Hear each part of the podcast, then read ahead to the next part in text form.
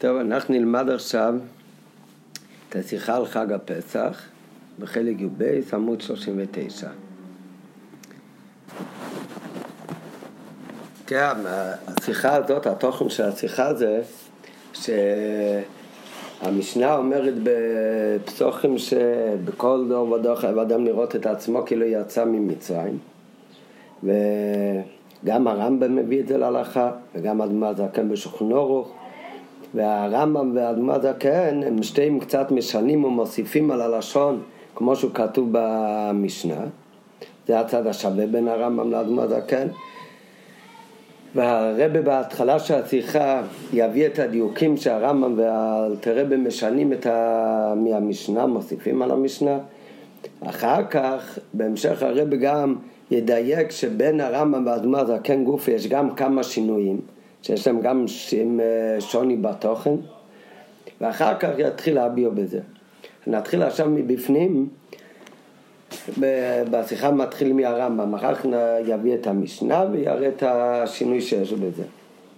הרמב"ם כותב, כתב הרמב"ם, וזה לשונו, בכל דרך ודרך חייב לאדם להראות את עצמו כאילו בעצמו יצא אתה משיבוד מצרים. הוא מביא ראיה לזה, ממה שכתוב ואותנו הוצאים משם. ממה שכתוב וזכרת כי עבד היית, כדי לקמן סעיף ג'.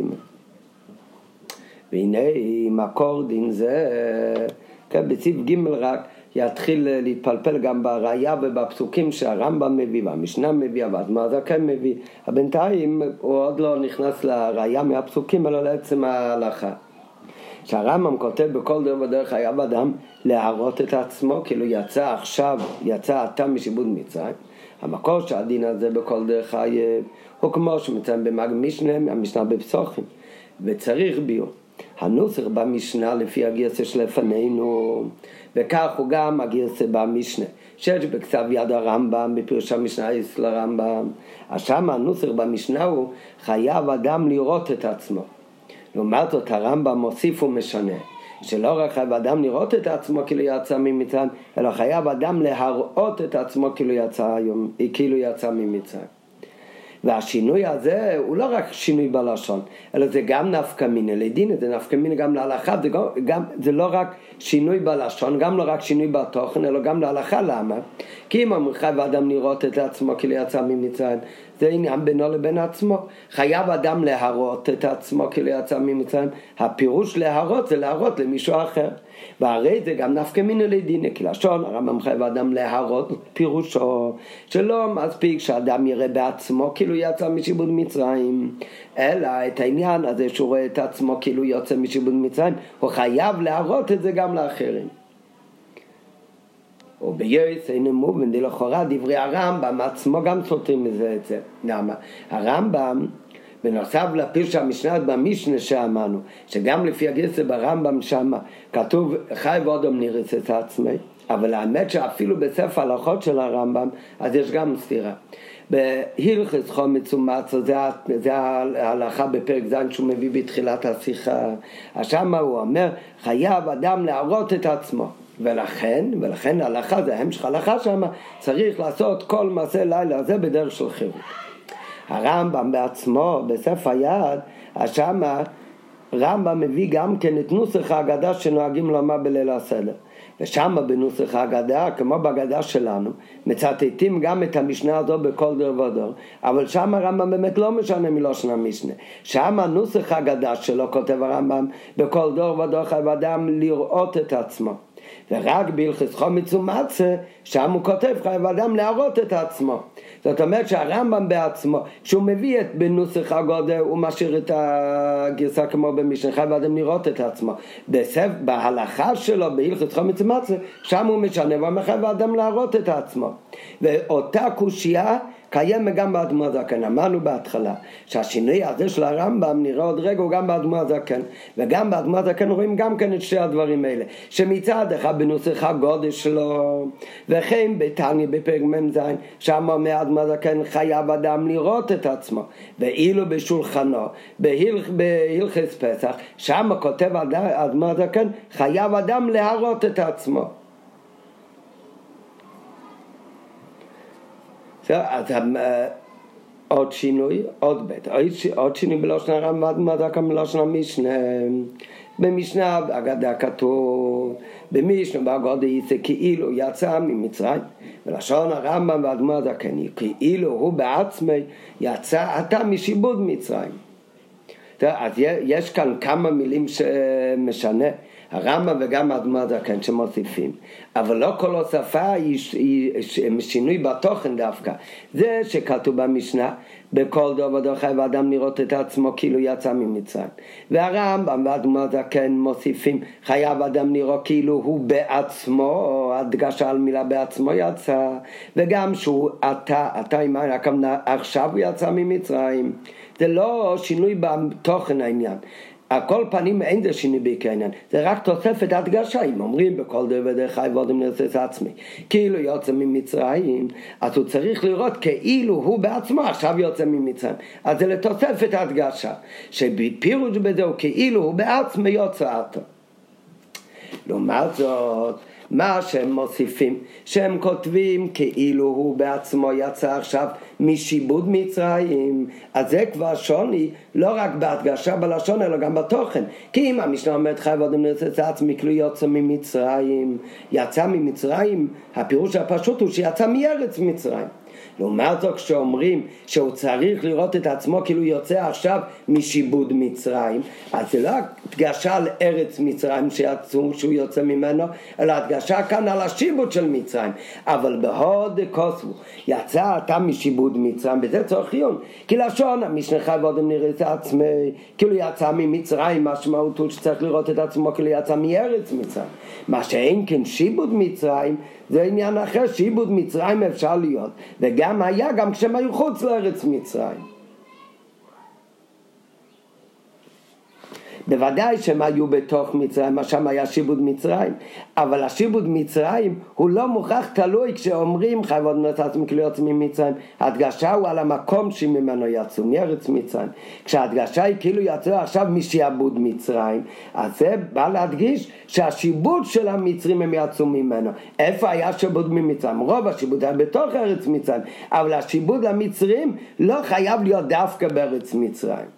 מביא על זה גם בהערה, שפארי היה שולט מסוף העולם ועד סופו, והיה לו שלטונים בכל מקום, לכן יכול להיות שיבוד מצרים גם מחוץ למצרים. ובאמת כשבני ישראל יצאו ממצרים, אז הרי אחרי יציאת מצרים עוד פעם פארי רדף אחריהם, עוד פעם היה סוג של שיבוד עד שהיה כיסא המסוף. עכשיו אומרים שחייב לראות את עצמו כאילו יצא ממצרים, הדגשה על ארץ מצרים, משיבוד מצרים, שזה השינוי של הרמב"ם ושל האדמו"ר הזקן, זה לא תלוי דווקא בארץ מצרים.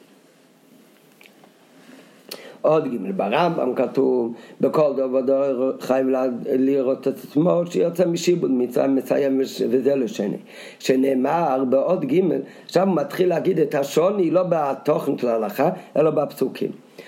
הרמב"ם מסיים וזה לשונו שנאמר מה ההוכחה באמת שחייב כל האחד לראות את עצמו כאילו הוא בעצמו יוצא ממצרים אז על זה מביא הרמב"ם שתי פסוקים מפרשת ואוסחנו, שנאמר, ואותנו הוציא משם. מה זה ואותנו הוציא משם? כל אחד אומר, ובחום איסונו הוציא משם, נראה בהמשך, בחום דבורים היה כבר רוב בני ישראל, אלה שלא היו ביציאת מצרים. ובקודו כתוב ואותנו הוציא משם, כולנו יצאנו ממצרים. הסימן שכל אחד חייב לראות את עצמו כאילו יצא ממצרים.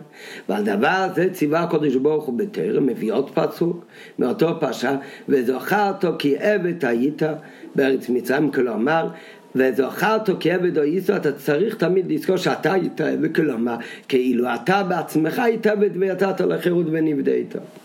ואינו מובן הראיה שכתובה במשנה לפי הגרסה שלפנינו על בכל דור ודור היא שנאמר והגדתו לבנך באמור לאמר ועבור זה עשה השם ניבט עשים ממצרים זה פסוק שמופיע קודם בפרשת בוי הכתוב שם והגדתו לבנך ביום ההוא. זה ביום ההוא כמו שאנחנו אומרים בהגדה של פסח זה רמז של ליום ליציאת מצרים. ושם אומרים בעבור זה עשה השם ניבט עשים ממצרים זאת אומרת כל אחד אומר שהשם עשה ליבט עשים ממצרים אפילו שאנחנו היינו במצרים ואף שבמשנה, אז אז השאלה בפשטות זה למה הרמב"ם צריך להביא פסוק או שתי פסוקים מחומש דבורים שמלמדים שיהודי חייב לראות את עצמו כלי יצא ממצרים? בזמן שהמשנה מביאה פסוק אחר מפרשת בוי אז האמת, למה הרמב"ם משנה מהלשון של המשנה? אז זה לא כל כך קשה, כי לפי הגרסה של הרמב"ם במשנה לא מובא בכלל שנאמר, אין שום ראיה מפסוק. אז להגיד שהרמב"ם שינה מלשון המשנה זה לאו דווקא. מצד שני, גם לפי הנוסח של הרמב"ם, שבמשנה אין מקור באמת, ולא כתוב שנאמר בכלל, אבל עדיין קשה למה באמת הרמב"ם מביא פסוק מחומיש דבורם, כשיש כבר פסוק בבואי, שממנו אפשר ללמוד, כמו שהגרסה היא באמת לפי המשנה שלנו. ועכשיו במשנה של כתב יד הרמב"ם, וכך הוא גם בנוסחה הגדה שלו שהעתיק מהמשנה, שם הוא לא מביא בכלל ראיה לדין הזה, מכל מקום צורך ביאור. מה תמו של הרמב"ם שהראיה לדין זהו דווקא מהכתוב, ואותנו הוציא משם ולא מהפסוק והגדתו שעשה השם לי כגרססנו במשנה. ב', שאלה שנייה, במשנה מביאים פסוק אחד, לא הפסוקים של הרמב"ם, הפסוק מפרשת זבוי. הרמב"ם מביא פסוק באוסחנה, אבל הרמב"ם לא מסתפק בפסוק אחד ויסונו יצא משם, אלא מביא עוד פסוק, ועל זה נאמר וזוכר תוקע ודו ייסו. אז גם אם הרמב"ם מאיזושהי סיבה לא רוצה להביא את הפסוק שיש לפי הגרסה שלנו במשנה, אבל עדיין, והוא רוצה להביא דווקא את הפסוק של ואס חנון, אז הוא צריך להביא משם שתי פסוקים? ג' הלכה שבכל דור ודור שברמב"ם הרם בהלכס חומץ ומצ הוא מביא בכל דור ודור חייב אדם לראות את עצמו כמו שאמרתי מקודם עם הדגשה כאילו בעצמו יוצא משיבוד מצרים למה הוא מביא את זה? הוא מביא את זה כהקדמה שלכן צריך לעשות כל מעשה לילה הזה שבליל חמיש עשר בניסן בליל הסדר צריך לאכול בעציבה ולעשות הכל בדרך חירוס כי חייב לראות את עצמו כאילו הוא יוצא עכשיו משיבוד מצרים וכמו שממשיך לפיכך שצועד אדם בלילה הזה וכולי, צריך לעשות את ההלכות כמו דרך חירוס ויציאת מצרים כי הוא בעצמו יוצא ממצרים נת, אם היו מביאים את הפסוק, והפסוק שבאמת המשנה מביאה, והגדתו לבנך באמולי מבב וזה עושה השם לי בצייסים ממצרים, הרי הפסוק הזה נדרש באמת דווקא ליל הסדר. אבל הפסוקים שהרמב"ם מביא, הציווי וזכרתו כי עבד או איסו במצרים, שכאן ההדגשה שעבד או איסו, אתה בעצמך היית עבד במצרים, ויצאת לחירוס ונבדה איסו, הרי הפסוק הזה וזכרתו כי עבד או איסו לא קשור דווקא לליל הסדר, וזכרתו כי עבד או איסו ויצאת ממצרים, זה כמה וכמה פעמים התורה מדגישה את זה, שיהודי צריך לזכור יציאת מצרים, וזה סיבה לריבוי מצוות, לאו דווקא למצוות של ליל הסדר. אין לו זמן מיוחד בשנה שהרי העניין הזה הוא טעם על שמיר שבס, הוא גם טעם על הנק תניק וגמר, מה שאין כן החיוב של הארץ זה עצמי שמדברים כאן בהלכה, כאילו בעצמיות, משיב מצרים, זה הלכה דווקא על תזבוב בניסן דווקא, אז איך לומדים את זה בכלל מהפסוק של ואס חנון? שהפסוק שם לא מדבר על ליל תזבוב בניסן בכלל. ד' והנה דין הנ"ל שברמב"ם, שבכל דבר דרך אגב האדם לא רק לראות את עצמו, אלא גם להראות את עצמו כאילו יצא ממצרים, שזה מה שהיה הדיוק שלמדנו בתחילת השיחה שהוא משנה מהמשנה, והוא אומר לא רק לראות, אלא צריך להראות את עצמו, שזה גם צריך להראות גם לשני שהוא יוצא ממצרים. שכאילו בעצמו יצא ממצרים. את ההלכה הזאת כבר הבאנו מקודם, גם אדמו הזקן בשולחנו משנה מהמישהו וגם אומר שחייב לארץ. אלא שבנגיע למקור של זו בתרא. היינו הכתוב שמנו נלמד עם זה, וזה באמת אל תראה בלא כותב כמו הרמב"ם, אלא בזה הוא משנה ממה שכתוב ברמב"ם. אף שבכללות, אז מה זה כן את כל ההלכה הזאת, הוא מצטט בשולחן אורוך מהרמב"ם, כמו שמצוין גם בגילים של שולחן אורוך עד מה זה כן. אבל הרמב"ם כותב שם כל ההלכה הזו מהפסוק ויסונו היצי משום, ואילו רבינו הזקן כותב שנאמר בעבור זה עשה השם לי בצייסים ממצרים מביא באמת את הגרסה בדיוק כמו במשנה שלנו נו, אז בפשטות הטעם לשני זה, כי לפי האדמה זקן, אנחנו כבר למדנו מקודם, שבנוסח של המשנה אצל הרמב"ם לא היה כתוב בכלל שניהם שום רמי פסוק. לעומת זאת האדמה זקן, שהוא מקבל את הנוסח במשנה, כמו שכתוב אצלנו שכן כתוב שניהם, וכתוב שניהם וגד אותו לבינך ביום בעבור זה, עושה השם ניבצייסים ממצרים. אז מובן בפשטות, שאל תראה בסובר כמו שמעתיק בנוסח הגדה שלו, שהגרסה העיקרית במשנה הוא כהגרסה שברוב הספר. הספרים שבכל דבר ודרך, שניהם אביגדתו לבינך בימולמה, בעבודו עשה שם בצאצא ממצרים, ולא כמו הגרסה של הרמב"ם שבמישהו בכלל לא מובא ראיה לדין זה. ולכן כותב אל תראה גם בשולחנו שההלכה הזאת נלמדת מהפסוק בעבור זה עשה השם בצאצא ממצרים. דרך אגב, כאן הוא עוד לא אומר את זה, אבל כל מי שמסתכל בפנים באלתר רבה, ונראה גם בהמשך, אלתר רבה בתור היה לפסוק, לא מביא כמו שהרמב"ם אומר שנאמר ויצאנו היצי משם, אלא הוא מביא את הפסוק כמו שכתוב במשנה, והגעת אותו לבינכו בעבור זה עושה השם לי בצאצא ממצרים, לי כל אחד כאילו הוא יצא ממצרים, אבל אלתר רבה מצד שני לא מביא רק את הפסוק של המשנה, אלא הוא מצטט כאן הוא חוזר כבר בחזרה ללשון של הרמב"ם והוא גם מצטט ועל דוב עוזב ציווה הקדוש ברוך הוא בתרא וזוכרתו כעבד או ייסו כלומר כאילו אתה בעצמך היית עבד ויצאת משם. את הפרט הזה של הרמב"ם את הפסוק השני גם אל תראה במביא בהמשך אבל זה לא נוגע לכרגע. זה הרי התוסף של הרמב"ם, אבל, זה, אבל דובו זה ציווה הקודש ברוך הוא. אבל על ההלכה שהוא מביא את הראייה, שהרמב"ם מביא מהפסוק ואותנו רוצים משם. כאן האדמה הזקן הולך כמו הגרסה במשנה שלנו, שלא מביא את הפסוק בעבור זה, ואותנו רוצים משם, אלו עשה השם לי בצאתי ממצרים. אז בפשוט שבזה האדמה זקן משנה מהרמב"ם. כי באמת הגרסה במשנה לפי אלתר רבה וכך גם האדמה זקן לכם מצטט את זה גם בנוסח ההגדה שזה ציטוט מהמשנה. את הפסוק בעבור זה עשה השם לי בצייסים ממצרים. אבל זה גוף טיימר בו הרי יש את הגרסה ברוב המשניות ויש גם את הגרסה כמו שברמב"ם. וזה גוף ולמה האדמה זקן בזה? בזה הוא כבר לא הולך לפי הגרסה של הרמב"ם אלא באמת מביא דווקא את הפסוק כמו הגרסה שלנו, שזה בעבור זה עשה השם לי בצאצאים ממצרים. ואוי צורך עיון, זה עכשיו שאלה בדיוק גוף בתוך הפסוק של אלתרבה כבר מביא כאן מהמשנה. אלתרבה הרי אמרנו הרגע שהמקור של, האלים, של הלימוד שחייב לראות את עצמו ולפי אדמה זקן לא רק לראות את עצמו אלא להראות את עצמו כאילו הוא יוצא עכשיו ממצרים. המקור אלתרבה מסכים מצטט מהמשנה את הפסוק בעבור הזה עשה השם לי בצאצאים ממצרים. אבל כאן רואים דבר מעניין שבא במשנה כשמביאים את הפסוק, אפילו שהמשנה היא כתובה בלשון קצרה, המשנה מצטטת את הפסוק יותר מאדמה זקן. במשנה כתוב שנאמר והגדתו לבנך ביום ולמה בעבור זה עשה השם ניבצייסים ממצרים.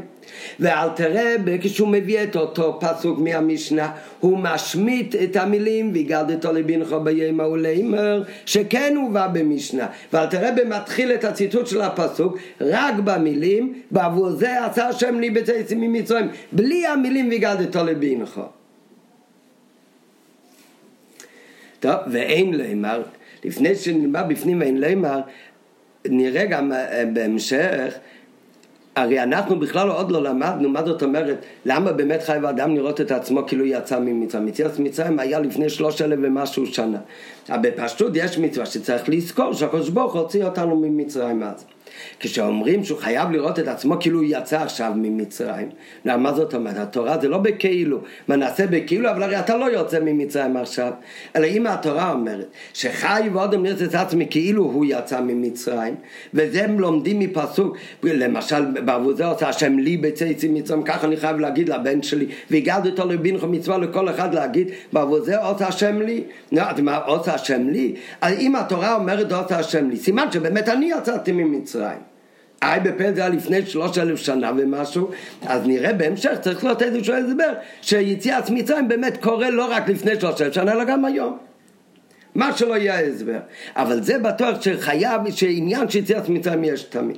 עובדה שהתורה אומרת, בעבור זה אותה השם לי, או לפי מהפסוקים שהרמב"ם מביא, או יסורנו היצאים משם. אם אנחנו אומרים אותנו יוצאים משם, זה התורה אומרת לנו, אז סימן שאנחנו יוצאים ממצרים.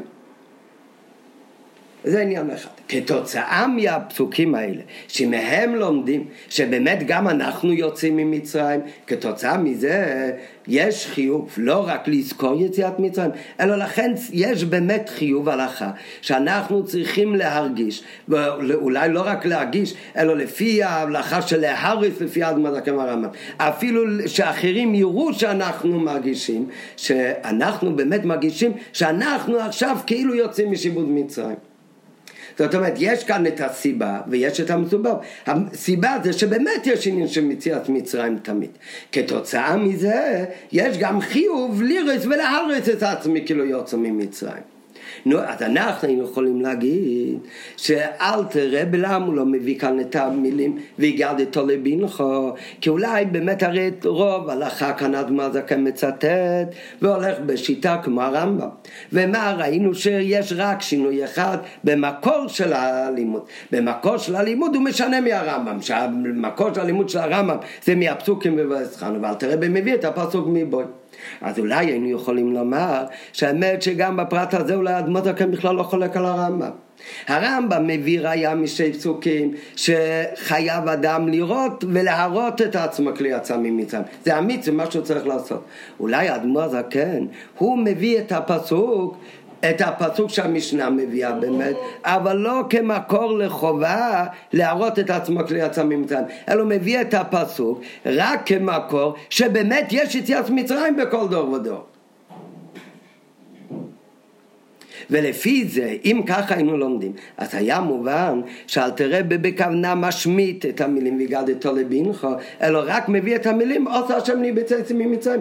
כי והגדתו לבינך, אם אני מצטט גם את המילים האלה, אז זה יהיה מובן שזה מקור להלכה, שהוא צריך להראות שכאילו הוא יצא ממצרים. אז כשהגדתו לבינך, אתה מראה לשני מידה שני הבן שלך, את בליל הסדר, את ההגדה, אתה אומר לו שאני יצאתי ממצרים, כי חי באודם נירץ ולארץ את עצמי, כאילו הוא בעצמו יוצא ממצרים. אבל אם אל תראה במסכים עם הרמב"ם, שההוכחה של להראות לאחרים שכאילו יצא ממצרים הוא בכלל מפסוקים אחרים. ומה שאל תראה מביא את הפסוק, זה רק להראות שבכלל קיים מושג של יציאת מצרים בכל דרך, לא על החיוב של בן אדם להראות. נו, אז לכן אל תראה וגם כאן משמיט את המילים והגדת לבינך, ורק מצטט את המילים, עושה השם לי. עושה השם לי בצאת ממצרים, נו אז זה כבר הוכחה שיש יציאת מצרים גם אצלנו. אבל את התירוץ הזה אומר הרב, זה לא שייך לומר, כי אם ככה נשאלת השאלה הרבה יותר, שאל תראה כשהוא מביא בשוכנוך, בשים טובים בייס, את הלוך שצריך לעשות כל מעשה לילה הזה בדרך חילוץ. כי כתוב, כי בכל דבר בדרך חי ועודם נרצס עצמי. כאילו הוא בעצמו יצא משיבוד מצרים ונפדה, אז מה אדמה זה כן מביא? המקור להלכה פסוק הוא בכלל לא מביא. אלא מה הוא מביא? הוא מביא רק את המקור לעצם עניין שיש יציאת מצרים תמיד. וגם שאם ככה אדמות הכנאי צריך לצטט רק את המילים. עשה לי ולא היה צריך לצטט כמו שלא מצטט את המילים והגעתי אותו לבינכו מהמשנה אז שלא יצטט גם את המילים בעבור זה וזה מה שאומר רבי ויינלי, מה שראה אדמה הזקן, הוא לא להחיוב להר, זה בכל דבר דרך, כי אם רק על זה שהיציאת מצרים ישנה בכל דבר דרך, ולכן הוא משמיט את והגדתו לבינכו, כי נץ ועל זה שאינו מוב, מדוע אינו מביא במגם ראי על החיוב, הרי לפי זה אבל הביא רק, עשה השם לי בצאת ממצרים, להשמיט גם כן את המילים בעבור זה. אלא לכן מסתבר יותר לומר שאלתר רבי מביא את הפסוק כמו המשנה וזה באמת ראייה לא למציר שיש יציאת מצרים כל דרך אלא באמת על החיוב שאתה חייב להרץ את עצמי כאילו יוצא היום ממצרים. ואם זה על החיוב אז למה באמת הוא משמיט את המילים והגד אותו לבינכו עוד היי, עוד שינוי יש בין אלתר רבי לבין הרמב"ם. לשון הרמב"ם הוא ועל דוב אז זה ציווה קודש ברוך הוא בתירו כאבת או ייסו זה כבר הפסוק השני. וכמו שהזכרנו כבר מקודם את זה גם אלתר רבי מביא. ועל זה ציווה תירו שהיא אומרת וזכרתו כאבת או ייסו כלומר כאילו אתה בעצמך היית עבד ואילו אלתר רבי אומר ועל דבר זה ציווה קודש ברוך הוא וזכרת כי עבד היית במצרים, כאילו אתה בעצמך היית במצרים עבד. כן? כבר למדנו מקודם, בתחילת השיחה, שבמשנה כתוב כל הזמן מודגש מצרים, לא שיבוד מצרים. גם הרמב"ם וגם האדמו"ר הזקן, וזה גם בשתיהם, מדגישים לא כאילו יצא ממצרים, אלא כאילו יצא משיבוד מצרים. זה בטוח גם לפי אלתר רבי. אבל אחר כך כשמביאים את הפסוק וזכר תוקע ודויסו במצרים אלתר רבי כשהרמב"ם מסביר את זה אז הוא אז הרמב"ם אומר אתה צריך להראות את עצמך כאילו היית עבד ויצאת ונבדית. אלתר רבי אומר אתה צריך לראות את עצמך כאילו היית עבד במצרים ונבדית. ועל פי הידוע שאלתרעבי דייק בלשונו הזהב בכל תיבה ותיבה. הנראה ברור שמזה שאלתרעבי משנה מלשון הרמב"ם. מצד אחד הוא מצטט ממש ללשון הרמב"ם. מצד שני הוא משנה ומוסיף את המילה במצרים. הן בהעתקת לשון הכתוב שאלתרעבי מצטט מהפסוק רק וזכר תוקיע ודויסו ואלתרעבי מצטט ועל זה אומרות וזכר תוקיע ודויסו במצרים וגם אחר בתוצאה והם בפירוש כאילו אתו בעצמך איסו עבד אומר הרמב"ם. והאדמו"ר הזקן אומר כאילו אתו בעצמך איתו במצרים עבד. בזה כוונתו להשמיענו שבאמת בחיוב להרס את עצמם הרי בגשמיס אנחנו בכלל היינו במצרים. אבל מה מכיוון שיש הנה שיציאת מצרים תמיד כמו שנראה בהמשך אז למדנו כבר יש כתוצאה מזה גם חיוב. להרס את עצמי כאילו יצא מצרים. בלהרס את עצמי כאילו כמה רוצה לעשות לעשות כאילו. אז לפי הרמב"ם, שיראה עצמך כאילו היה עבד וישתחרר. לעומת זאת, לפי אלתרבה, אז בזה שהוא יגיש ויראה את עצמו, כאילו לא מספיק שירא, כאילו אתה בעצמך יישא עבד סתם, כי אם שירא כאילו אתה בעצמך יישא במצרים עבד. שהעבדוס במצרים עבדוס מיוחדת, בפורך וכולי, כמו שהיה בני ישראל במצרים. ויש להם מה שפרט זה לדעת רבינו הזקון. הוא גם לעיכובה, שבאם יצייר בעצמו שניגל בעבדוס סתם ליוצא דרך חובוסי. כן, נראה גם בהמשך, אנחנו יודעים מחסידס שיש אינשיציית מצרים, אבל כאן הרי הכל מדובר על פיניגלה, על כפשוטו, יש חיוב שבן אדם צריך להרגיש ולחוות כאילו הוא בעצמו יצא ממצרים, כאילו היה עבד ויצא, כמו שהרמב"ם אומר. אז לפי הרמב"ם יוצא שנכון חייב האדם לראות את עצמו כאילו יצא ממצרים, כי יש שינוי שיצא ממצרים תמיד, אבל במה הוא מקיים את הציווי הזה? בזה שהוא מעורר בעצמו רגש שהוא יצא משיבוד לחירוס, שכאילו היה עבד. הוא לא צריך לדמיין ולצייר בעצמו כאילו היה עבד דווקא במצרים. בפלו היה במצרים כי יש שיציאת מצרים תמיד. אבל בזה שהוא מראה כאילו יוצא ממצרים, בזה הוא לא צריך לצייר את עצמו כמו שכתוב על השם ברמה, שאיך הוא אומר לילד לפי הצער שלו, הוא מראה לו, אתה רואה את העבד הזה, אתה רואה את השפחה הזאת, ככה אנחנו היינו עבדים, ככה אנחנו היינו... ואנחנו יצאנו ממצרים. זאת אומרת, צריך לפעול בעצמו רגש של יציאה מעבדוס. לעומת זאת לפי אלתר רבה הדגשה בזה התורה ציווה שהוא צריך לראות את עצמו כאילו היה עבד במצרים וכאילו אתה בעצמך איתו במצרים עבד. ולדעת הבן הזקן זה גם לעיכובה שאם יצייר בעצמו שניגל מעבדו סתם לא יוצא דרך חובוסי וצורך חיון מינו לרבני הזוקן לחלוק על הרמב"ם ולחדש שאדם מחויב להראות את עצמו לא רק שהוא ניגל מעבדוס סתם אלא כאילו ניגל מעבדוס מיוחדת של מצרים. גם צריך להבין, לשון הרמב"ם הוא ויצאת לחירות ונבדית קודם יצאת לחירות ואחר כך יצאת לבדוס ואילו רבנו הזקן משנה את לשון הרמב"ם וכותב הפוך כאילו אתה היית בעצמך במצרים עבד ונבדית ויצאת לחירות גם כאן, מכיוון שהרי בכללות ההלכה הזאת של הרמב"ם, אלתרבה, זה, זה מקור ברמב"ם, מזה שהוא משנה והופך את הלשון, שלפי הרמב"ם יצאת לחירוס ונבדייסו, נראה אחר כך יציאה לחירוס ופידיון זה שתי דברים. אלתרבה משנה את הלשון, ואומר קודם נבדית ואחר כך יצאת לחירוס, בוודאי זה מדויק. לא, אז עד כאן, עד אות ו' למדנו הכל זה הדיוקים והשאלות, ומאות ו' מתחיל הביור.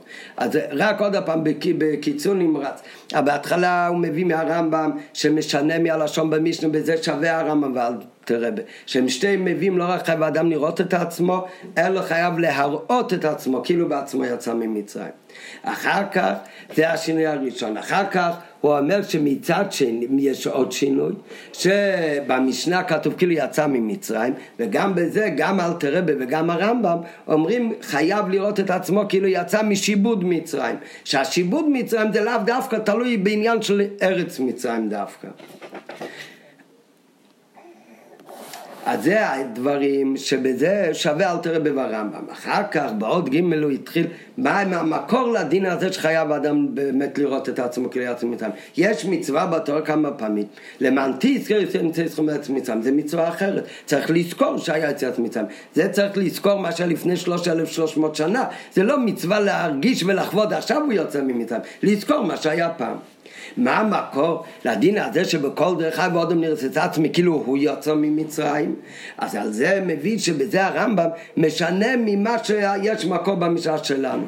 במשנה לפי הגרסה במשנה שלנו המקור מחום, פסוק משפשת בוי וגד לבינכו בעבור זה עושה השם לי בצייסי ממצרים אז כל אחד מאיתנו יוצא ממצרים לעומת זאת הרמב"ם מביא פסוק בחומיש דבורים ואיסונו עצים משום ומוסיף על זה עוד פסוק ועל דובר זה ציווה הקודש ברוך הוא וזוכרתו כי עבד או איסו במצרים כאילו אתה בעצמך היית עבד למה הרמב"ם משנה מהפסוק שהמשנה מביאה? בפרט שהפסוק שהרמב"ם מביא זה בכלל לא פסוק שמדבר דווקא על ליל הסדר. והרי החובה שבכל דרך עבוד נראה את עצמי. כאילו בעצמו יצא ממצרים. זה חובה ליל הסדר שצריך לעשות כל מה אצל לילה זה בדרך חירוס. כאילו יצא עכשיו ממצרים. אחר כך בעוד ד' הרב אומר בעניין הזה שהמקום מהפסוק בזה אלתרבה באמת שונה מהרמב"ם. אלתרבה כן מביא את הראייה מהמשנה אחר כך הוא מביא גם כן מה שהרמב"ם מוסיף בפסוק השני ועל זה נאמר וזכרת כעבד או ייסור אז זה שאלתר רבה, כאן הולך לפי המשנה, זה בפשוט מכיוון שזה הגרסה של המשנה שלנו וגם של אלתר רבה. אבל בזה אנחנו רואים גם דבר פלא של אלתר רבה, הוא מצטט את הפסוק של המשנה, אבל הוא מצטט לא בשלמות את כל הפסוק כמו שהמשנה מצטטת, אלא משמיט את המילים והגד אותו לבינכו ותאי מבואה. אחר כך הוא מביא עוד דיוק, שבזה שונה הרמב"ם ואדמה הזקן, שהרמב"ם אומר שחייב אדם לראות את עצמו כאילו יצא ממצרים, ואל תראה במה מדגיש, כאילו אתה בעצמך היית עבד, ואל תראה באומר שצריך לחבור כאילו אתה בעצמך היית במצרים עבד. שזה נפקא מיני גם להלוכים, הוא חייב לראות את עצמו כאילו היה סתם עבד והשתחרר, שהיה דווקא עבד במצרים, שזה היה עבדות מיוחדת יותר גדולה. וגם יש עוד הבדל בין הרמב"ם לבין האדמו"ר זקן, שהרמב"ם כותב את הסדר, יצאת ממצרים ונפדית, אל תראה באומר, חייב לראות את עצמו כאילו נפדה ויצא לחירוס. קודם יצא לחירוס, אחר כך נפדית לפי הרמב"ם. האדמו"ר זקן אומר, קודם נפדית ואחר כך יצאת לחירוס. ועכשיו מתחיל הביאור, אז אומר הרב בהקדמה שבדין הזה במשנה, בכל דרך ודרך אבודם נרצה את עצמי כאילו יוצא ממצרים, כאילו יוצא, כאילו יוצא ממצרים, היום זה כתוב בתניא, כאילו יוצא ממצרים, בדין הזה ברמב"ם יש ארבע פרטים. זה נראה דין כללי, אבל יש כאן בעצם ארבע דברים. דבר ראשון, יש כאן את המציאות, שבאמת יש גולת מצרים בכל דור ודור. הרי אם אין גולת מצרים בכל דור ודור, אז מה זאת אומרת אתה מראה את עצמך כאילו יצא היום ממצרים? אתה עושה שקר בנפשך? אלא מה, באמת יש עניין של יציאת מצרים, וזה דבר הראשון, וכתוצאה מזה אחר כך מגיע כבר פרט השני, שיש חובה שהבן אדם גם את עצמי וירא כאילו יוצא ממצרים. למה באמת המציאות הוא שיש מיציאת מצרים בכל דר ודר? כי הרי אנחנו אומרים בהגדה אילולא יצא רצון הקודש ברוך ממצרים, הרי אנחנו בנינו בני בנינו היינו משובדים למצרים. אז מזה יוצא שבעצם בלי יציאת מצרים גם אנחנו היום מצד המצב הטבעי היינו אמורים להיות עדיין עבדים. אלא מה זה עניין שהיה בדרך נצח הקודש ברוך הוא הוציא אותנו ממצרים כאילו נגד הטבע אז כאילו מכיוון שזה דבר שהוא לא מצד עצמו אמור להיות ככה שזה הרי הפירוש שאם לא אז אנחנו בנינו ובני בנינו היינו משעבדים למצרים. אז יוצא שהעניין של יציאת מצרים הוא ברעיון פעולה נמשכת, זה כאילו קורה כל רגע ורגע. העניין הזה יש על זה ביו באריכות אבל זה לא מסביר, מסביר כאן, זה במקומות אחרים. אנחנו עכשיו נתעכב על מה שנוגע לשיחה שלנו. אז על כל פנים, מה שלא יהיה אביר בזה, שיציאת מצרים זה עניין לא חד פעמי באמת, אלא זה כאילו פעולה נמשכת, זה פעולה נמשכת, כל רגע ורגע נמשך עניין של יציאת מצרים גם עכשיו. אם זה באמת ככה, אז כאן כבר מגיע העניין השני, שיש כתוצאה מזה גם חובה לא רק לזכור יציאת מצרים, אלא יש גם חיוב באמת לראות כאילו בעצמו יצא ממצרים. ועל זה מגיע החיוב, הנקודה השלישית, שהחיוב הוא לא רק לראות את עצמו כאילו יצא ממצרים, אלא החיוב הוא גם להראות את עצמו כאילו יצא ממצרים. זה כבר פרט שלישי. והפרט הרביעי, שזה שהוא מראה את עצמו כאילו בעצמו יצא ממצרים, זה לא מספיק שהוא יגיד את זה בהגדה, בעבור זה עושה שם לי בצאת ממצרים, אלא הוא צריך לעשות את זה גם בכל מעשה של הלילה הזה. גם באמירס הגודל זה גם כבר להראות לשני שהוא אומר לו את ההגדה, אבל על זה אומר הרמב"ם גם אל תראה שצריך לאכול את המצה בעשי והכל דרך חירוס, זה הכל חלק מזה שהוא צריך להראות כאילו בעצמו יצא ממצרים. אז הנקודה הראשונה זה המציר שיש תמיד יציאת מצרים. הנקודה השנייה שתוצאה מזה, יש חיוב לראות את עצמו כאילו יצא ממצרים, להגיד שזה, הפרט השלישי זה להראות את זה גם לאחרים, והפרט הרביעי להראות לאחרים לא באמירס הגודל רק, אלא גם בכל מייסר לילה זה. נראה בפנים. ואביר בכל זה, בדין שברמב"ם בשוכנוך, אז כמו בכל דבר דרך עבודם לארץ את עצמי. כאילו בעצמי יוצאת משיבוד מצרים, אחד יש כמה עניונים. א', המציאות, והוא שהגאולה דיציאת מצרים היא פעולה נמשכת.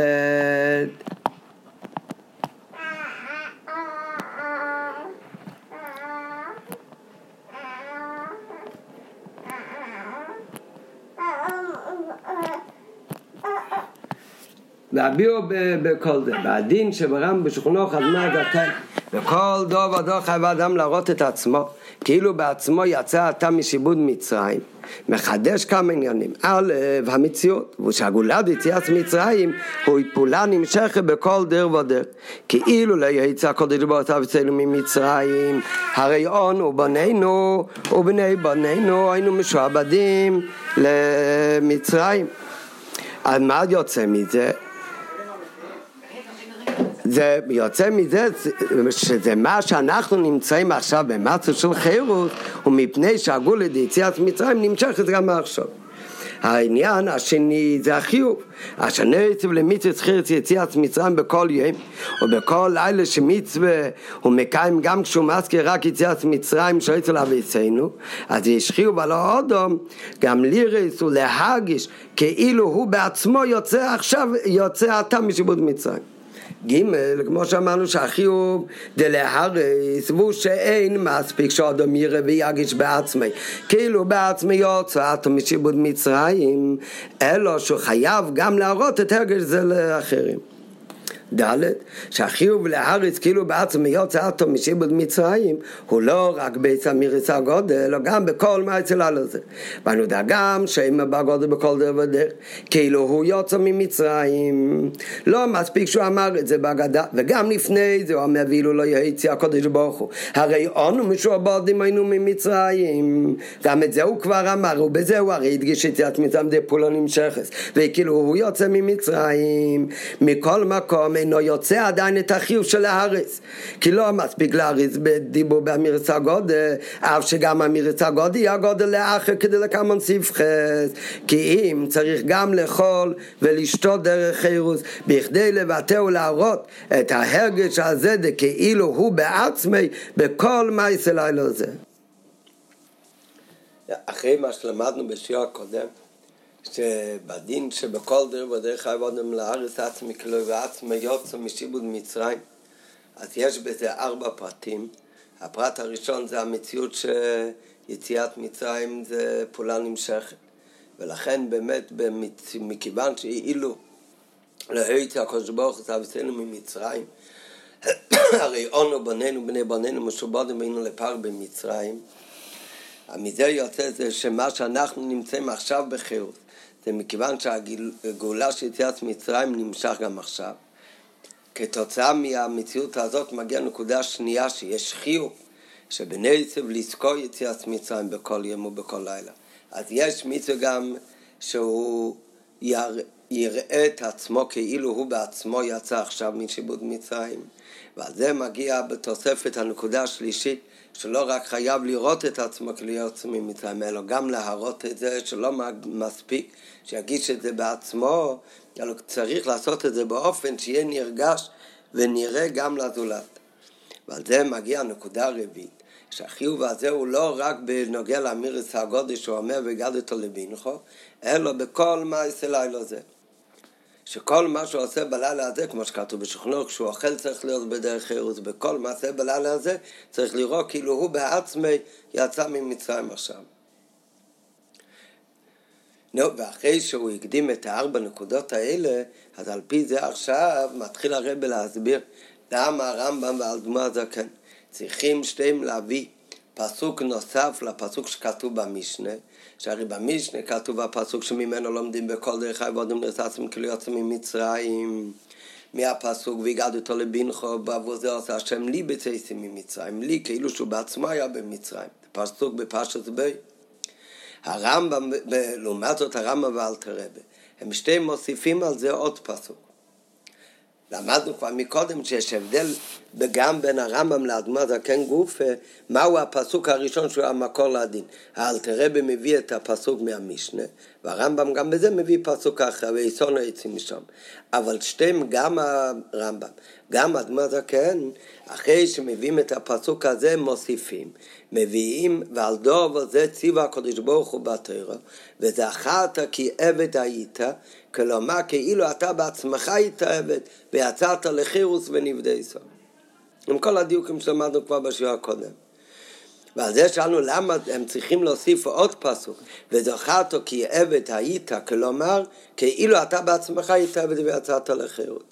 אבל לפי מה שאמרנו עכשיו, שיש בדין הזה ארבע נקודות, אז מובן בזין, ועל פי זה יובן, מה שהרמב"ם ואדמו זקן, צריכו להביא גם וזכר אותו כעבד היסו, ולא מסתפקים בהראיה מהכתוב, לפי הרמב"ם הפסוק הוא ויסונו עצים משום, או מהפסוק מאלתר רבי, כמו במישן בעבור זה עשה שם לי בצאצים ממצרים. כי כשיש פסוק אחד, אז מהפסוק יש רק הוכחה מהכתובים האלה, רק על המציאות, שבאמת יציאת מצרים זה עניין תמידי, ולכן בכל רגע יש את העניין של יציאת מצרים. אבל זה עוד לא אומר שיש באמת גם חובה שבן אדם חייב לירס את עצמי כלהיות ממצרים. יכול להיות שבאמת יציאת מצרים זה עניין תמידי, אבל עדיין החיוב והמצווה זה לזכור מה שהיה פעם יציאת מצרים. אז אם יש רק פסוק אחד, אז זה הוכחה מהכתובים האלה רק על המציאות. שהגאולה זה יציאת מצרים היא פעולה נמשכת בכל דר ודר. לכן אומר הפסוק, שאבא אומר לבן שלו, בעבור זה עושה השם לי בצאצים ממצרים. כי באמת גם הוא יש לו עניין של יציאת מצרים. אבל אין מזה עדיין הוכחה שיש חיוב על האודם לירס, כאילו הוא בעצמו יוצא אותו משיבוד מצרים. זה עוד לא אומר שהבן אדם צריך לפעול בעצמו רגש שהוא מרגיש שכאילו עכשיו הוא יוצא ממצרים. כי אף שהמציאות מיציאת מצרים הוא בכל דר, מכל מקום יש לומר שהחיוב של לזכור יציאת מצרים הוא רק לזכור כמו שהיה יציאת מצרים בפעם הראשונה בפרשת סלוויסנו. ואף שהתיבות עשה השם לי, ועוד בהמשך לביגדתו לבינכו. וכן ויסונו היצי משם, שזה הפסוק שמביא הרמב"ם הפסוק מהראשון. זה בא בהמשך למה שנאמר לפני זה, ואמרת לבינכו. שתי הפסוקים האלה, זה קשור למה שאבא אומר לבן שלו בלילה הזה בהגודה. הרי זהו רק בנגיע להגודה והמירה. אנחנו למדנו מקודם שיש ארבע נקודות. המציאס שיש שהגאולה היא תמידית. אחר כתוצאה מזה שהבן אדם החיוב שלו זה לא רק לזכור את יציאת מצרים הראשינו, אלא המצוות של לזכור, הוא צריך לחוות גם שהוא עכשיו יוצא ממצרים. ואחר כך בנוסף לזה, שזה לא מספיק החיוב הזה באמירה, אלא צריך לעשות גם מעשה בלילה הזה. אז על זה אומר עכשיו הרב בסוגריים מרובעות, שאף על פי שמה אנחנו אמרנו, שלמה צריך אדמה זקן והרמב"ם להוסיף עוד ראיה, מכיוון שהפסוק הראשון הוא רק הוכחה למציאות שיש תמיד יציאת מצרים, אבל אין לזה עדיין הוכחה שגם החיוב הוא לחוות שהוא יוצא ממצרים, אולי החיוב הוא רק לזכור את יציאת מצרים איך שהיה בגשמיס בפעם הראשונה אז לכאורה אפשר להגיד, הרי כתוב בפסוק, בפסוק שהוא מביא, כתוב במפורש, בעבור זה עושה השם לי, ואוי סונו היצי משום שמביא הרמב"ם. זה הרי בא למה שכתוב ואמרת לבינכו, או והגדתו לבינכו, שזאת אומרת שזה המיצו של אמירץ הגודל. באמירץ הגודל הוא צריך להגיד שזה קרה איתו. הרי זהו רק בנגיע לגודל והמירה, שבסיפו דיציאס מצרים צריך להגיד לי. ויסונו. אבל עוד אין מזה הוכחה שאדם חייב באמת לראות את עצמו ולהרגיש כאילו יצא עכשיו משבט מצרים. וכל, וכל שכן, שאין מזה הוכחה שהשחירו על האודם נירס כאילו יוצא אטו משובד מצרים, לא רק באמירס על גודל, אלא גם בשאר מייסל הלו, זה שלא בית אמירת אגדה. מה שהרב אומר כאן זה גם זה שתי דברים. דבר ראשון, שאפילו אם הוא צריך להגיד ככה באמירס הגודל, בעבור זה עושה השם לי, אז זה עוד לא אומר שהוא צריך להגיד שבאמת הוא זה שיצא ממצרים. הוא אומר עושה השם לי, מכיוון שיציאת מצרים הראשונה היא באמת נמשכת גם עכשיו. אבל אין חיוב שהוא צריך להגיש בעצמו את העניין כאילו הוא עכשיו יוצא ממצרים. ואפילו אם נגיד שזה כן ככה, אז זה ככה רק בנוגע לאמירס הגודל, והגלת אותו לבינכו. ואמרת לבינכו, אבל זה עוד לא אומר שהוא צריך להגיש את זה באופן כזה שהוא יעשה כל מייסר לילה זה בהסייבו ובדרך חירוס, כי הוא עכשיו זה העבד שישחרר ויצא ממצרים. ומה ההוכחה לזה? שבאמת לא מספיק ש, שיש עניין של יציאת מצרים תמיד, אבל החיוב אולי הוא רק חיוב לזכור מה שהיה בפעם הראשונה ביציאת מצרים, אלא מה באמת המקור שהחיוב הוא גם, שהחיוב הוא גם באיפן כזה שהוא ירגיש שעכשיו הוא יוצא ממצרים, לכן מוסיף הרם אבל תראה בעוד פסוק, ועל דבר זה ציווה הקדוש ברוך הוא בטרו, וזכרתו כי עבד או איסו, כלי מעטו בעצמך. שהציווי, ובפרט שבו עד הפעם, הכוונה בנצב למה שכבר כתוב בפרשת בוי, והגדתו לבינך בעבור זה עושה השם לי. אז הציווי וזכרתו כעבד האיסו, שמגיע באיסופה, הוא לא רק לזכור יציאת מצרים שהאיסו לאביסנו בפעם הראשונה, אלא על דבר זה, על העניין שוויסונו הציא. או על העניין שעושה השם לי, על זה אומרים וזכרתו כעבד האיסו. מה זאת אומרת? כתוב בפסוק, כתוב ברמב"ם ובאדמה זה כן כתוב, אחרי שמביאים את הרעש צריך להיות בכל דבר ודרך, כתוב על דבר זה ציווה הקודש ברוך הוא בטרו, וזכר תוקף את הויסו. אומר, מה פירוש על דבר זה ציווה הקודש ברוך הוא? וזכר תוקף את הויסו. הפסוק הראשון שמביאים או הרמב"ם מביא ויסונו היצי, או שהפסוק של אלתרבה מביא כמו הפסוק שכתוב במשנה, עושה השם לי. בפסוק הזה זה הוכחה רק שעניין יציאת מצרים הוא עניין תמידי. וזה נמשך גם עכשיו. זה עוד לא אומר שזה החיוב שהוא גם יחווה את זה עכשיו ויגיש את זה עכשיו. אז על זה מוסיף הרמב"ם ואל תרבה, שיש פסוק וזוכר תוקיע ותויסו כאילו אתה בעצמך, אומר הפסוק הנוסף, זה בא להגיד שבעל דובר זה ציווה הקודש ברוך הוא בטרע, שמה שציווה הקודש ברוך הוא, הדובר זה מה שאמרנו, שלומדים מהפסוק הראשון שיציאת מצרים זה עניין תמידי, אז העניין הזה צריך להיות באופן שבזוכרתו, מה צריך לזכור, לא רק שפעם יצאו ממצרים, אלא על דובר זה ציווה הקודש ברוך הוא, וזוכרתו כי עבד או איסו, אתה צריך לזכור, לעשות זכר, לא מה שהיה בפעם ראשונה, אלא המיצו שהזכיר את יציאת מצרים, הוא באופן של עבד או איסו, כאילו אתה בעצמך, אתה בעצמך היית עבד. שהציווי וזכרתו הוא לא רק לזכור את יציאת מצרים של אצל אבצינו, אלא הציווי של וזכרתו זה על דובר זה, על אותו עניין שלמדנו מהפסוק הראשון, שבעיסון או עצו שעושה השם לי, שזה עניין תמידי, על זה יש ציווי וזכרתו, שכך צריך להיות הציווי של וזכרתו, אתה צריך לזכור ולהגיש שזה קורה איתך. ולאחרי שאנחנו יודעים מה כתוב וזכרת, שחייב אדם לזכור ולראות את עצמו כאילו אתה בעצמך אז מזה באים כבר לשלב השני, שהעניין הזה בחיוב בליל הפסח צריך להיות לא רק לראות להגיש כאילו אתה בעצמך יצאת ממצרים, שזה בעצם החיוב של לזכור, אלא יש נוסף לזה, צריך גם להראות שאחר יראה את זה. זה עוד לא למדנו מהמקור, נראה עוד רגע. והשחיוב זה, זה כבר מגיע העניין הרביעי שאמרנו מקודם, שהעניין הזה שצריך להראות הוא לא רק בש"ס אמירס הגודל, אלא גם כשסועד אדם בלילה הזה כדי לקמון. מאיפה, מה באמת המקור הזה? מאיפה, מאיפה לומדים את זה? אבל מה המקור שלא מספיק לזכור יציאת מצרים? אלא צריך להגיש שהוא בעצמו הוא זה שיוצא ממצרים. אז על זה מביאים את הפסוק השני, שעל זה ציוו התרא, שבזוכרתו מה צריך לזכור? כי עבד או איתו, שאתה זה שהיית עבד.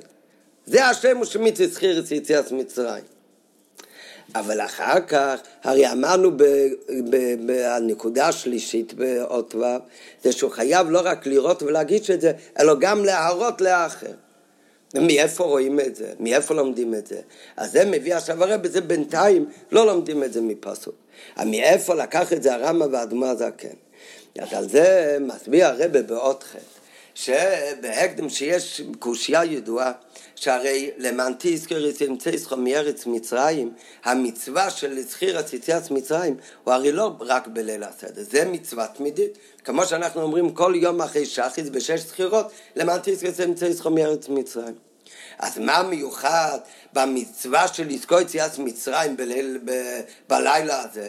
בעבור זה לא יאמרתי אלו בשוש שמצו מורים מונחים לפניך. מה מיוחד בציווי בלילה הזה? אז אחד מהביאורים בזה, שכל יום יש עניין לזכור, ולזכור גם בדיבור, יש על זה כמה דעות. המיוחד בליל הסדר, אחד מהביאורים זה שבליל הסדר המצווה של לזכור ולהגיד את הזכיר של יציאת מצרים לא מספיק שהוא אומר לעצמו, אלא צריך לומר למישהו אחר. כמו שכתוב במפורש בפסוק, והגדתו לבנכו, ואמרתו לבנכו בפסוק אחר.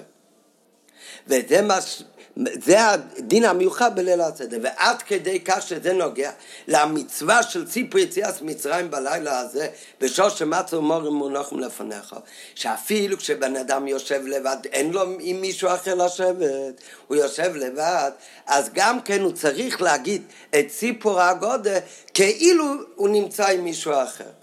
ולכן הרי ההלכה היא שבן אדם שאין לו מי שישאל אותו מה נשתנו, הוא צריך לשאול את עצמו את המה נשתנו ולענות. מה הוא שואל את עצמו ועונה לעצמו? מכיוון שכל הסיפור של חיוב של ציפיתת מצרים בלילה הזה, הוא באופן צריך להיות סיפור לאחר דווקא.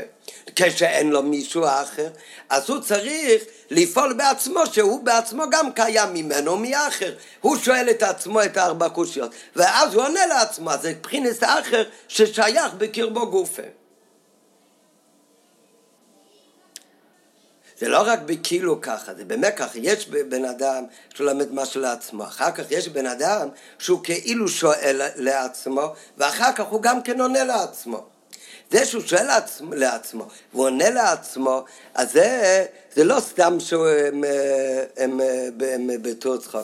זה שבן אדם הוא מסביר משהו, ואחר כך הוא מצייר לעצמו כאילו הוא שואל על זה, כאילו מישהו אחר, זה האחר שבקיר בגופה, ואז הוא עונה לזה, בזה גופה נותן לו להבין את העניין יותר עמוק ממה שהוא היה אומר את העניין בלי שישאל ויענה לעצמו.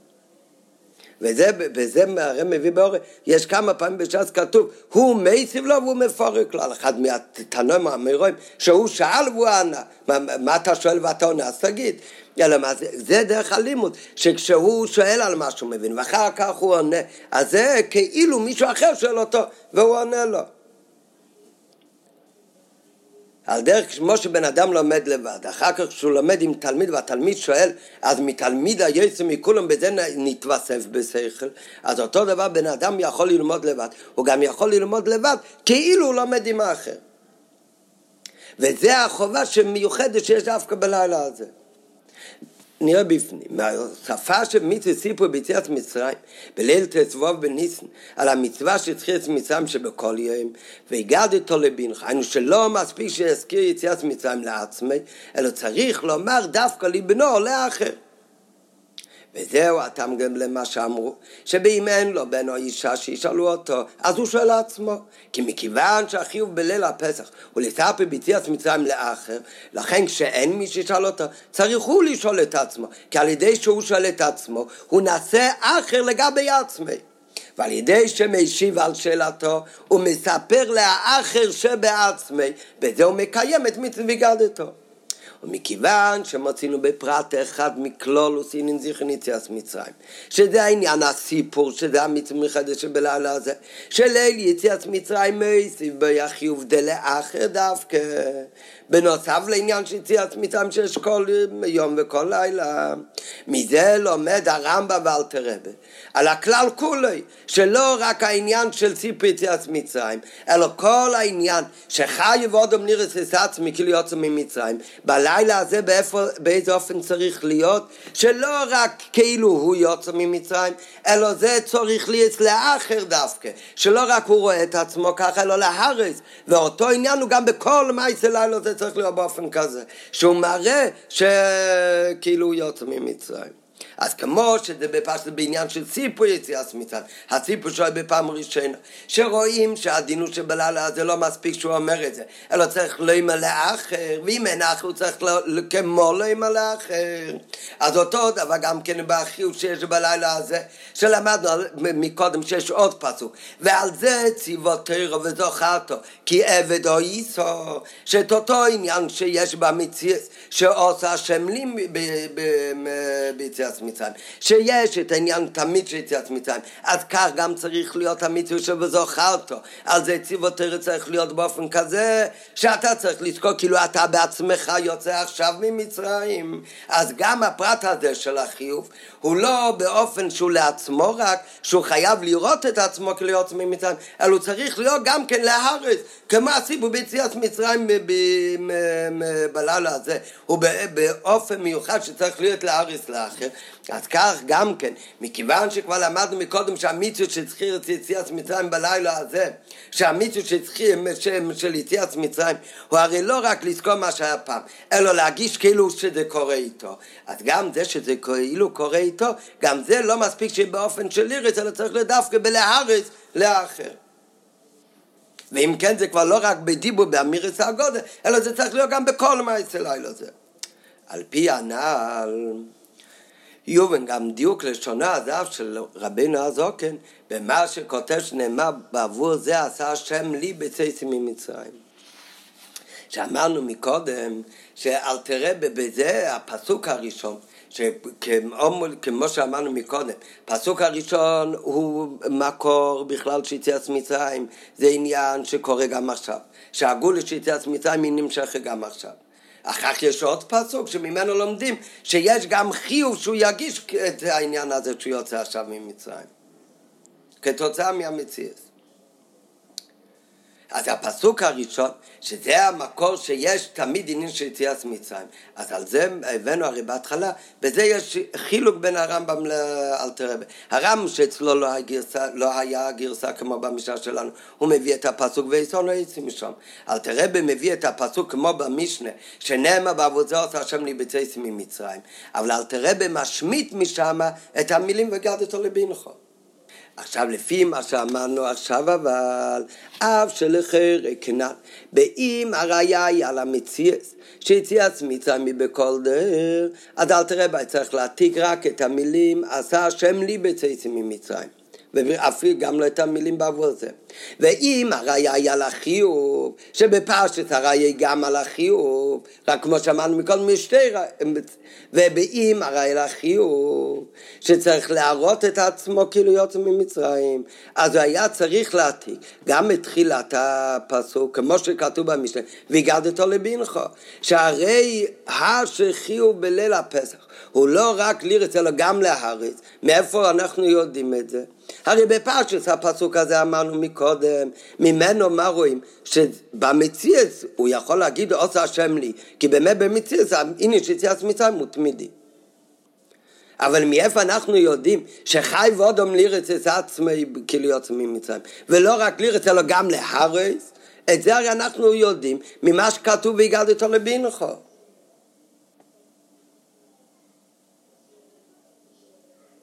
כי על ידי זה הוא מדגיש ששייכוס החיוב דלארץ להכתוב והגדתו ממצרים הוא לא להציב והפרט די והגדתו כי אם לבעבור זה לכלולוס הזמן או לא נאמר והגדתו לבינך לאחר, בשור שיש מצו מורים מונחים לפניך. צריך להיות כל מייס דאס קורץ יציאת מצרים באיפן דלאחר. אנחנו למדנו מקודם שיש חיוב שצריך, לא, שמכיוון שהמציאות, שהגולה של מציאת מצרים פה נמשכת. לכן גם החיוב הוא צריך לראות את עצמו כלהיות ממצרים. ואחר כך החיוב הוא לא רק לראות בעצמו, אלא חייב גם להראות את זה, וד' הוא צריך להראות את זה לא רק באמירת ההגדה, אלא בכל מעשה לילה זה. בעוד חס הוא הסביר ש... בעוד חטא הוא הסביר, מה באמת המקור? שצריך להיות באופן של להראות.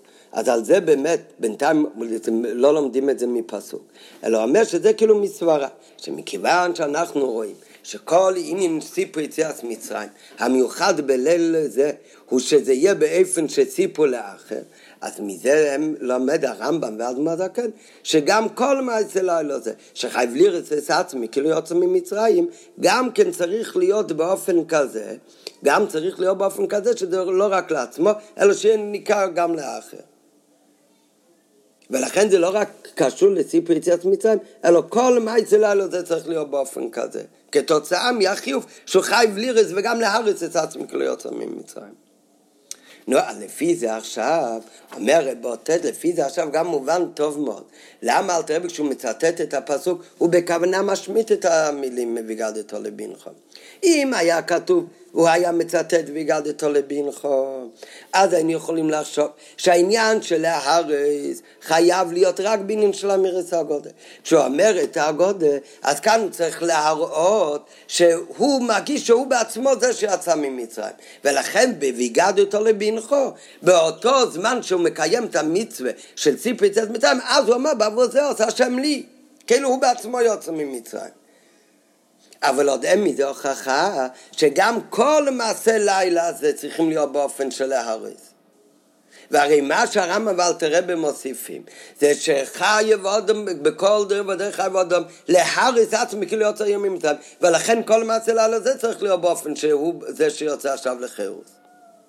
ולכן, אז אל תראה בכוונה משמיט את המילים למביגדתו לבינכו, ועם מה הוא מתחיל בעבור זה, מהמילה בעבור זה, מה זה, זה, זה בשוש יש מצו מור מונחם לפניך, מזה לומדים על הזמן של ליל הסדר. אז זה מה שהוא בא להדגיש, שבעבור זה עושה השם לי. כל מה שקורה בלילה הזה צריך להיות באופן של להרץ, שהוא זה שיוצא ממצרים.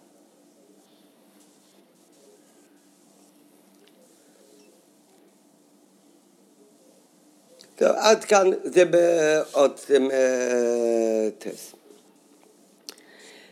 לכאורה, האמת, כשלמדנו מקודם, הרי התחיל כל הביור, אחרי שאמר את הארבע פרטים באות ו', התחיל ועל פי זה מה שהר"ם ואלתר רבה צריכים להביא גם וזכר אותו כי עבד או איסו ולא מסתפקים ברעי מהפסוק הראשון כי בפסוק הראשון יש רק ראייה על המציאות שהגולה שיציאת מצרים פה לנמשכת. אבל אין מזה הוכחה שהחיוב על אדם לירץ כאילו בעצמו יוצא התמיד שבמצרים.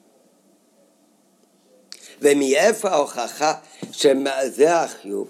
לכן הוא אומר מוסיף הרם ואל תרבה ועל זה ציווה הקודש ברוך הוא בתרא זה בכלל מפסוק שני וזכרתו כעבד או איסו כאילו בעצמך שהציווי דבא זוכרתו הוא לא רק לזכור את עצמתם של תל אצלנו, אלא גם על דובר זה, על העניין של ויסונו היצי ועושה השם לי.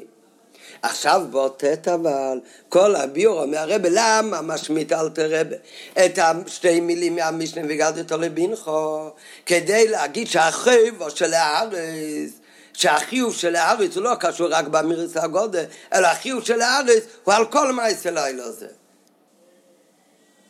אבל האמת שזה בכלל לא קשה, כי בעוד זה מה שהרב אומר, זה אם היה רק פסוק אחד, וזה מבגד אותו לבינך בא וזה עושה השם לי בצאת מצרים, אז אני יודע רק שזה, שבמציאות יש עכשיו עניין יציאת מצרים. או הכי הרבה שזה שייך גם לאמירס הגודל צריך להיות באופן כזה, אבל לא שהוא צריך להגיש ככה. כשיש אבל פסוק השני, ומה לשון גם בשולחנוך וברמם. ועל זה דובר זה ציווה הקודש ברוך הוא בטרור, ודוחה את איסו. מה זה ועל דובר זה? ועל דובר זה, הפסוק השני הוא מסביר לי את הפסוק הראשון. ועל דובר זה ציווה הקודש ברוך הוא בטרור, וזוכה את איסו כאילו אתה בעצמך. שה... הפסוק הזה מגלה לי שה"ויגדתו לבנך בעבור זה עושה השם לי" זה לא רק הוא יגיד את המילה לי, אבל לזכור מה שהיה יציאת מצרים לפני שלוש אלף שנה, אלא הוא צריך להגיש את ה"ועושה השם לי" בצאת ממצרים. זה מה שהוא צריך להגיש. אז אחרי שעל זה דוב הזה ציווה הקדוש ברוך הוא בטרו ואומר וזכתו כי עבד או ייסו אחרי שיש פסוק שכתוב במפורש וזכתו כי עבד או ייסו אתה היית עבד אז אני יודע שמה שיש בליל הסדר מצווה של ויגדתו לבנכו ושם כתוב אז שעושה השם לי אז איך הוא צריך לזכור את זה? הוא צריך לזכור את זה באופן לא מה שקרה לאבס אבסנו אלא הוא צריך לזכור שזה מה שקורה איתו ולכן אם היה אלתר רבי מצטט כאן גם את המילה והגדת לבנחה, הייתי חושב שזה צריך להיות הרגש הזה רק באמירס הגודל. אבל הייתי יודע שהרגש הזה של לירס ואפילו להרס צריך להיות בכל מעשה לילה הזה. ולכן אל תראה במוריד את המילים וגדתו לבנכו, אף על פי שבוודאי הפסוק מדבר על וגדתו לבנכו בחיוב של אמירית הגודל, אבל בעצם מזה לומדים על בעבור זה שכל מעשה לילה זה צריך להיות באותו אופן, שלא מספיק שהוא מגיש את זה, אלא גם באופן של להריס וגם והעניין הזה להריס כאילו יוצא היום ממצרים, זה בכל הדברים שהוא עושה בלילה הזה.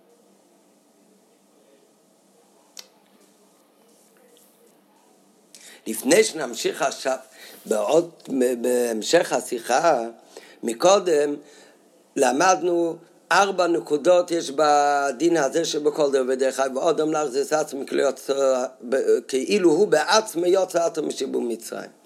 את המציאות שיש יציאת מצרים תמיד, החיוב שנעצב למצווה זכיר יציאת מצרים, או שהשלימוס של המצווה שזכיר יציאת מצרים. הוא באופן כזה שיש חיוב שהוא יראה את עצמו וירגיש כאילו הוא בעצמו עכשיו יוצא ממצרים, לא רק פעם. אחר כך, שהחיוב הוא, רק לא, הוא לא רק לירס אלא גם להרס, אחר כך העניין של הארץ הוא לא רק באמירס הגודל, אלא העניין של הארץ הוא בכל מעשה לילה הזה. זה מה שלמדנו בעוד פעם, אבל זה אחר כך הוא הסביר שלפי זה מובן למה הרמב"ם ואלתר רבי צריכים להביא עוד פסוק וכולי וכולי. עכשיו, אנחנו נחזור לארבע הדברים האלה, ועכשיו אנחנו נחשוב איזה מהדברים האלה קשורים דווקא לליל הסדר בכלל. העניין הראשון, המציאס הוא שגו יציאת מצרים פה לנמשכת. כאילו לא יצא הקודש הוא בסדר מצרים, אנו בנינו בני בנינו משובדים לפרי. לא, אז זה הרי לא קשור דווקא לליל הסדר. זה עניין ששייך כל רגע ורגע. זה לא קשור לחיוב בלילה הזה. עכשיו, הנקודה השנייה, החיוב שבנעצב לזכיר יציאת מצרים, זה בטוח, המיצוי של זכיר יציאת מצרים, הוא אומר מיד גם באות ו', זה קיים כל יום ובכל יום ולילה. המצווה הזו את המצווה הזאת של החיוב, שהוא צריך לזכור את עצמי, לזכור בטוח שזה תמיד כל, כל השנה. אבל מה שהוא אומר כאן שיש חיוב על האדם, לא רק לזכור מה שהיה, אלא להגיש כאילו הוא יוצא ממצרים. לא, אז זה אנחנו כבר לא יודעים. מתי זה החיוב הזה? החיוב הזה בכל דבר דרך חי ואודם לירס את עצמי. עוד לפני הלהריס התוספת של הרמב"ם ואלתר רבי. שאת זה הם למדו מזה שהם ישבו את זה למצווה שציפו יציאת מצרים, שצריך להיות לאחר. אלא אפילו את פירוש הפשוט של המשנה, בכל דרך חי ואודם לירוס את עצמי כאילו יוצא ממצרים. שזה לא רק הוא נזכר מה שהיה פעם, אלא הוא צריך לראות את עצמו יוצא ממצרים. נו, מתי החיוב הזה? זה, כל השנה זה גם רק בליל ט"ו. זה אנחנו בינתיים לא יודעים. עכשיו הוגים, החיוב להרס שהוא חייב להראות את עצמו כאילו עכשיו משתחרר ממצרים. לא, אז זה בוודאי עושים רק בליל ט"ו ניס, אוכלים בסבב, לא אוכלים כל השנה בסבב, כי הוא חייב להריץ את עצמי, כאילו הוא יוצא משיבוד מצרים. וגם החיוב של להריץ באמירס הגודל, אז בוודאי זה גם רק בליל הסדר, כי הרי אמירס הגודל הוא בליל הסדר דווקא. אז נשאר לנו העניין של החיוב שלא מספיק לזכור יציאת מצרים, אלא גם לראות ולחוות ולהגיש בעצמו עניין של יציאת מצרים, אז זה נשאר לנו בינתיים פתוח, האם זה חיוב באמת תמיד, וזה החיוב של יציאת מצרים, של זכיר יציאת מצרים למען תזכר את זה אמצעי צריכים מארץ מצרים, תמיד צריך להיות באופן כזה, או לא. אולי כל השנה המצווה של לזכור יציאת מצרים, זה מספיק לזכור למען תזכר מה שפעם יצאת ממצרים. החיוב לזכור את, את יציאת מצרים באופן שעושה השם לי בצאצא ממצרים, אז זה באמת אולי רק בליל תצבוב ניסן.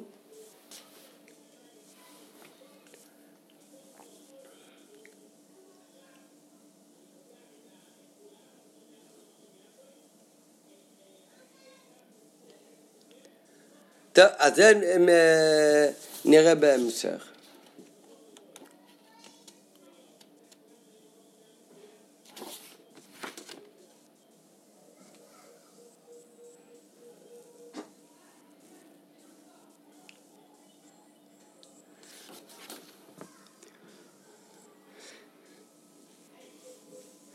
על פי כל הנעל שהחיוב להארץ באותו, על פי כל הנ"ל שהחיוב להארץ הוא רק בליל הפסח, אבל החיוב שבכל השונו שנלמד מהציווי וזוכרתו. הרי אנחנו כבר אמרנו מקודם, זה היה אחד מהשאלות שמביאים את הפסוק וזוכרתו כי עבד או איסו במצרים אז שאלו מה זה וזוכרתו כי עבד או איסו במצרים הפסוק וזוכרתו כי עבד או איסו במצרים כאילו אתה בעצמך היית עבד במצרים. אז הפסוק הזה לאו דווקא מדבר בכלל על ליל הסדר. והגדתו לבינך זה הולך על ליל תסבו ואמרתו לבינך גם כן אבל וזכרתו כי עבד או איסו, שמזה לומדים אתה בעצמך זה לא זה לאו דווקא ליל תסבו. אז עכשיו הרב אומר שבאמת הדיוק של להריץ הוא רק בליל הסדר, אבל החיוב שבכל השונו, שהרי גם הוא נלמד מהציבור וזכרתו, הוא רק לירס, אבל זה לא מספיק לזכור מה שהיה פעם. לירס את עצמי, זה כל השנה. וזה יתורף. אחד מהשאלות שלמדנו מקודם זה שגם אל תראה וגם הרמב"ם בהלכה הם אומרים חי ואודם להריס עצמי מכליות ממצרים אבל באגוד הם מצטטים את המשנה שחייב לירס עצמי. אז אם הם בעצמם אומרים שחייב להריס למה באגוד הם נשארים עם, כמו שכתוב במשנה רק לירס אז על פי זה מובן, יתור את זה שבמשנה. ובמילא גם בנוסחה גודל של הרם ואלתר רב כתב חי ואדם לראות, אף שהחיוב באותו לילה, בליל הזה, החיוב הוא גם להראות. כי הכוונה בפסקה זו היא הקדמה וטעם לפסקה של האחר. אחרי בכל דר ודרך עבודם נרצה עצמי כליות מצרים כתוב לפי כוח בגלל שבכל דר ודרך עבודם נרצה עצמי כליות ממצרים לפי כוח אנחנו חיובים להוידויס בלילה הזה מה זאת אומרת? זה לא בא לבאר החיוב של הלילה, זה בא לבאר את גדלו עניין של יציאת מצרים. שחייבים לשבח ולהודות לקודש ברוך על עניין של יציאת מצרים. גגד לאינן דיציאת מצרים. דיציאה זוהי בכל דר ודר מבלי הבדל, ובכל ימי דר ודר. זה באמת לא רק בליל הסדר. שלכן חייב אדם לראות את עצמו, והוא חייב לראות את עצמו, ולא רק לזכור שהיה פעם יציאת מצרים, אלא לראות את עצמו יוצא ממצרים. זה חייב באמת להיות תמיד. כאילו הוא יוצא ממצרים. ומה שלא מזכירים באגודה, שיש עוד עניין, יש חיוב נוסף זה להאריס בליל הפסח, אז זה בדוגמה שהם מזכירים החיוב זה ארבע קייצת וכולי. והטעם הוא בפרש, למה צריך להזכיר שיש חיוב ארבע קייצת?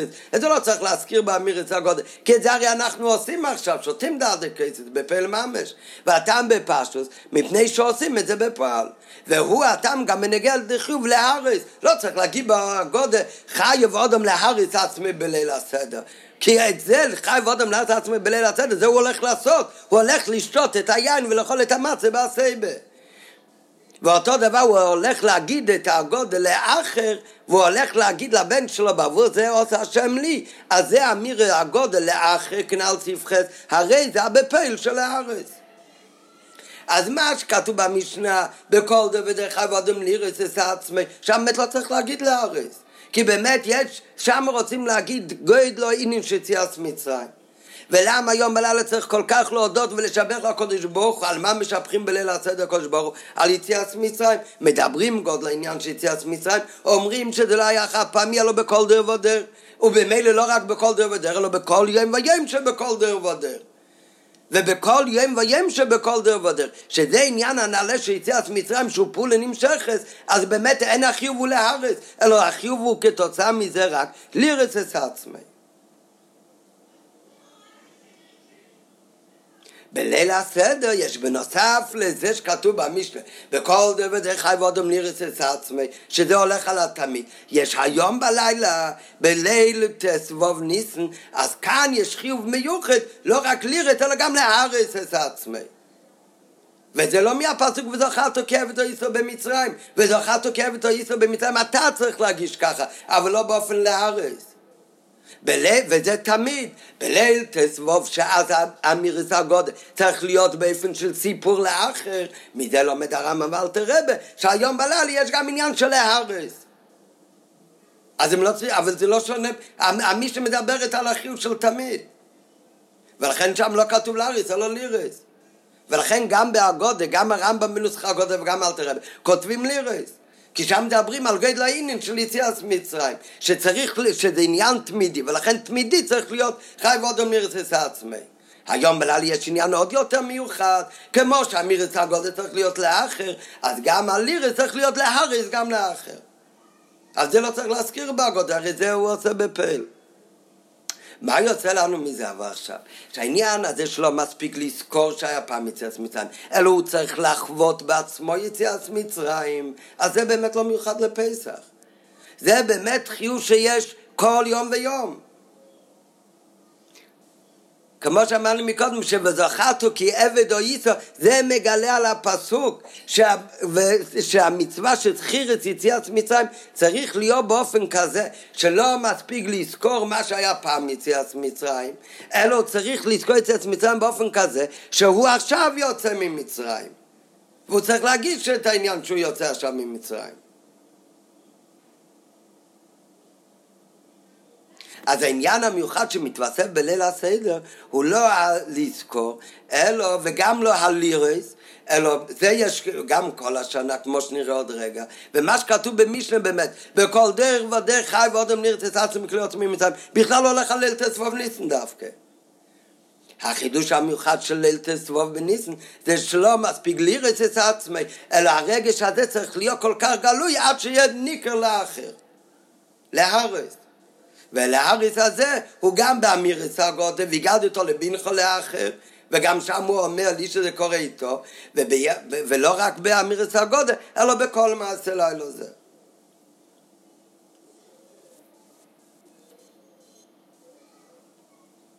לפי זה גם מובן, אנחנו אמרנו מקודם, אדמו הזקן, מוסיף בלשון על המשנה בכל דבר דרך חייב אדם נרס את עצמי וכותב בשולחן אורוך חייב להרס את עצמי.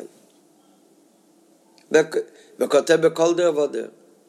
לעומת זאת, אל תראה בביתניה בפרק מ"ז אז שם, אל תראה בכותב שונה שם הוא לא כותב להרס אלא כותב חייב אדם נרס בדיוק כמו המשנה מצד שני שמה, אלתרעב לא כותב רק בכל דר ודר, אלא אלתרעב מוסיף בכל דר ודר, ובכל יום ויום חי עבודם נרצס עצמי, כאילו הוא בעצמי יוצא היום ממצרים, מדגיש, כאילו יוצא היום ממצרים. נו, אז אל תראה, בביתניה אומר שחייב מספיק לירס את עצמי, ובשולחנוך הוא אומר שחייב להרס את הדרך הגלומה שאל תראה יש כאן איזה מחלקת בין איך שלומד בתניא לאיך שלומד, מכיוון שזה על פרסידס לבין איך שלומד בשולחן אורוך. אלא מה? לפי מה שאמרנו, אבל עכשיו זה מאוד מובן. בשולחן אורוך על מה הוא מדבר חי ואודום להרס, זה איך צריך להיות מייסי לילה הזה, זה רק תסבוב בניסן.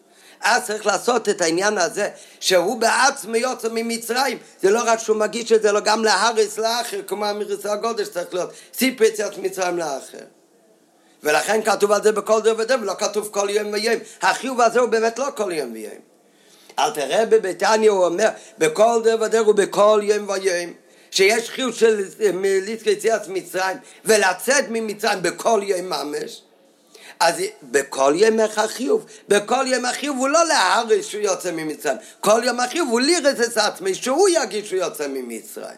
בתניא אל תראה במסביר את זה על פי פנים עניונים, שהוא באמת יוצא ממצרים, מכיוון שהוא נמצא ב- ב- בתוך הגבול של הגוף ונחשב בעמי שלו, הוא מקיים תרומיתוס, אומר השם מחוז, אז מתחבר לקודש ברוך זה יציאת מצרים.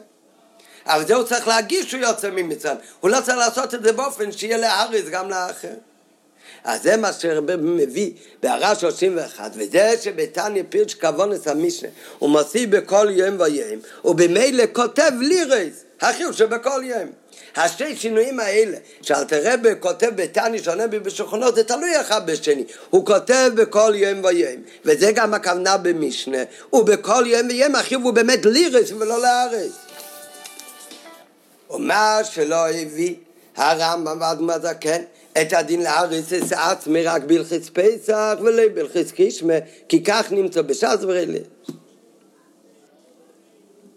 טוב, עד כאן הקופונים בנוגע, בנוגע לענייננו. רק מה, עדיין אינו מובן, עדיין קצת קשה. סוף כל סוף, כל ההוספה של הרמב"ם ואלתר רב, שחי ואודום לא רק לירס אלא להרס, על כל פעם בליל תסבוב ניסן, אז על זה בפרשת הרם פסוק. את זה, מאיפה למדו את זה? זה הרב הביא כמו סברה, שעשו הקש, כמו שעשו יציאת מצרים. שבלילה הזה, אז זה לא מספיק שיספר לעצמו, אלא צריך להיות באופן של סיפור לאחר. אז אם ככה גם אחרי שיש לי כבר פסוק שאני לומד ממנו, שעושה השם לי ועל דוב זה ציבור בתרא וזכרתו כעבד, הו יישאתו בעצמך יוצא ממצרים. אז אני לומד שבלילה הזה, הרגש הזה לא מספיק שישאר אצלי, אלא כמו בסיפור יציאת מצרים צריך להיות לאחר, כך גם לירס את עצמי בלילה הזה צריך להיות לאחר להרס. לא, אבל סוף כל סוף זה סברה, אבל אין לזה הרי לחרם מוקר לא במשנה ולא בגמרא. סוף כל סוף המשנה שכתוב בכל דר ודרך חי ואודם לירס את עצמי. גם לפי מה שלמדנו עכשיו באורן, זה הולך על כל דר ודר והפירוש הוא כל יום ויום שבכל דר, אבל לא כתוב סוף במשנה שבליל הסדר לא מספיק שיהיה לירס, אלא צריך להיות גם לארץ. וגם בגמרא זה לא כתוב.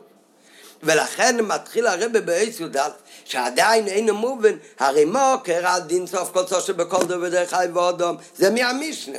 ומכיוון שלא שני המשנה, גם לפי גרסת הרם ואלתר רבי, היא חי ואודום לירס, ושם הרי לא כתוב לארס, אז מנול הוא לרמב"ם ולאדמה זה מהש"ס, שיש חיוב גם לארס. אז סוף כל סוף זה הרי לא יכול להיות שמסבורה, כמו סיפור יציאת מצרים מול האחר, אז ככה אני גם אומר, חי ואודום לירס, בלילה הזה, זה גם לארס. הרי צריך להיות לזה מוקר. אז הרב אומר שבאמת מוצאים בהרבה פסוחים, יש מוצאים לזה גם מקור מהגמורה, ומביא על זה שיש שם בגמרא, רוב אומר צריך שיאמר ויסונו היצים משם. דלחרם מה המיצב על זה? על, במשנה אחרי, בהמשך למשנה שכתוב, וכל דור ודור חייב אדם לראות את עצמו כאילו יצא ממצרים. אז מתחיל הגמרא עומר רוב צריך שיאמר ואותנו רוצים משם. רק כאן.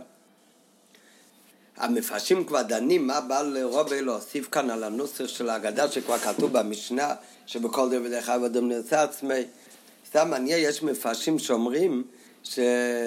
שלומדים שבאמת הגרסה במשנה זה כמו הרמב"ם שלמדנו מקודם שבכל דרך ודרך עבודים לעשות עצמי כלי עצמי מצרים בכלל לא מביא פסוק. אבל זה המרוב צריך שיהיה מבייסון היצאים משם. וזה רוב בא להגיד שזה המקור לדין בכל דור ודור חייב אדם לראות את עצמו. הפסוק ואותנו הוציא משם, אותנו זה אנחנו, סימן שצריך לראות כשכאילו יצא בעצמו ממצרים. והם, ויש מפרשים שאומרים שזה באמת המקור לרמב"ם, שהרמב"ם מביא את הפסוק ויצאנו עצים משום, לא את הפסוק שלפי הגרסה במשנה שלנו, וגדתו לבנכו ביים בעבור זה עשה השם לי בצאצים ממצרים. בכל אופן, זה לא נוגע לענייננו. מה שהרב רוצה להביא, שעל זה שהגמרא מתחילה, אמרו וצריך שיאמר ואותנו הוצאים משם, אומר הרשב"ם, מה, מה ההוספה של רובה שצריך שיאמר ואותנו הוצאים משם? אומר הרשב"ם, צריך שיאמר פסוק זה ואותנו הוצאים משם. למה? אומר הרשב"ם שצריך להראות את עצמו כאילו יצא משם שאף אותנו גאל הקדוש ברוך הוא. כמובן הרב לא מקווה להגיד שהרשב"ם זה המקור לרמב"ם, אלא הכוונה זה שרוב זה המקור. שמה שרוב אומר שצריך שיאמר ויסונו עצים משום. למה? כי צריך להראות את עצמו, ובאמת הלשון ברשב"ם הוא גם כן לא לראות את עצמו, אלא להראות את עצמו כאילו יצא ממצרים.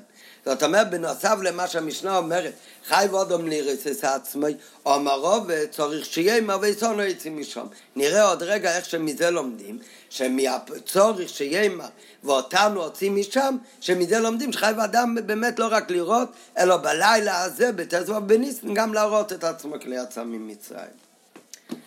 וזה זה, זה החידוש של רובה. נראה עוד הפעם בתחילת י"א בפנים. ועדיין אינו מובן הרי מקור הדין שבכל דבר דרך חי ואודום הוא מהמשנה ושם כתוב חי דום לירס המינולו לרמב"ם ואדמת הקמי הש"ס שיש חיוב גם לארץ. ואביר בזה בגמרא שם עומד הגמרא אמרו וצריך שיאמר ואותה נוציא משם. ולכאורה מה מוסיף בזה רובה על אמירתו שבמשנה בכל דור חייב אדם לראות את עצמו כאילו יצא ממצרים? ואביר בזה הלשון ואותנו לשון רבים נראה בהמשך, ואותנו לשון רבים, להבדיל מהפסוק שמובא במשנה, והגדתו לבנכו בעבור זה עושה השם לי. לי זה גם הולך איתנו, לא רק לאבות אבותינו, אבל זה לשון יחיד, על מי שמדבר. ויסונו, זה סימן כמה נמצאים, כאן שתיים, ואותנו הוצאים משם. הלשון אותנו, לשון רבים, זה מורה שבעת אמירתו יש עוד מישהו.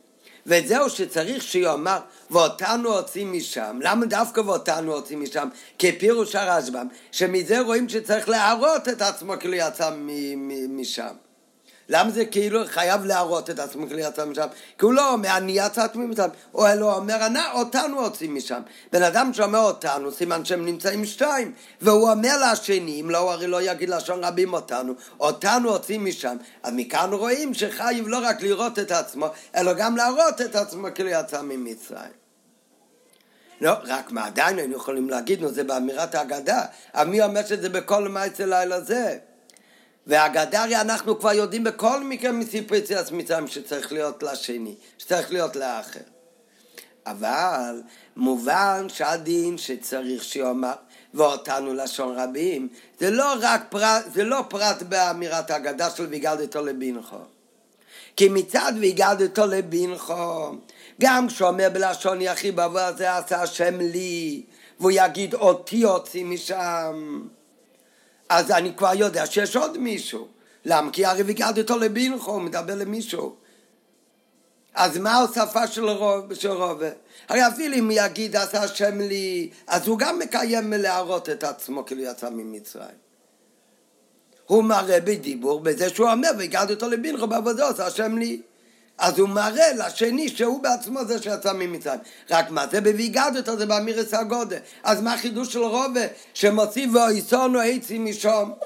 שאומר הרשב"ם שמכאן רואים שצריך להיות להרי שיצא ממצרים. אלא סימן שהתוספת של ואותנו הוציא משם זה בא להדגיש שלא רק בעניין של ויגדתו זה צריך להיות ככה אלא שכל עניין ואיסונו עצי משם הוא יושב עם עוד מישהו והוא מראה שהם יוצאים ממצרים ומובן שהדין שצריך שיום ויסונו הוא לא פרט בדין שוויגדתו לבינכו כי הרי ויגדתו לבינכו גם כשהגיבלושן יוחיד אייסי הוצי יש עוד מישהו כי אם זה כבר עניין בפני עצמו, תוצר של רובה. מהו העניין בפני עצמו? מה זה הדין החדש? ומזה למדים הרמב"ם ואדמת הכן, שהחיוב דלהרס. שהחיוב הוא בנוגע לא רק ליגדתו, אלא הוא חיוב בנוגע לכל מייסה לילה זה. ומה המקור לזה? זה מה שמתקן בין רובה בזה שרובה מוסיף על המשנה, ואומר שצריך לומר ויסונו עצים משם.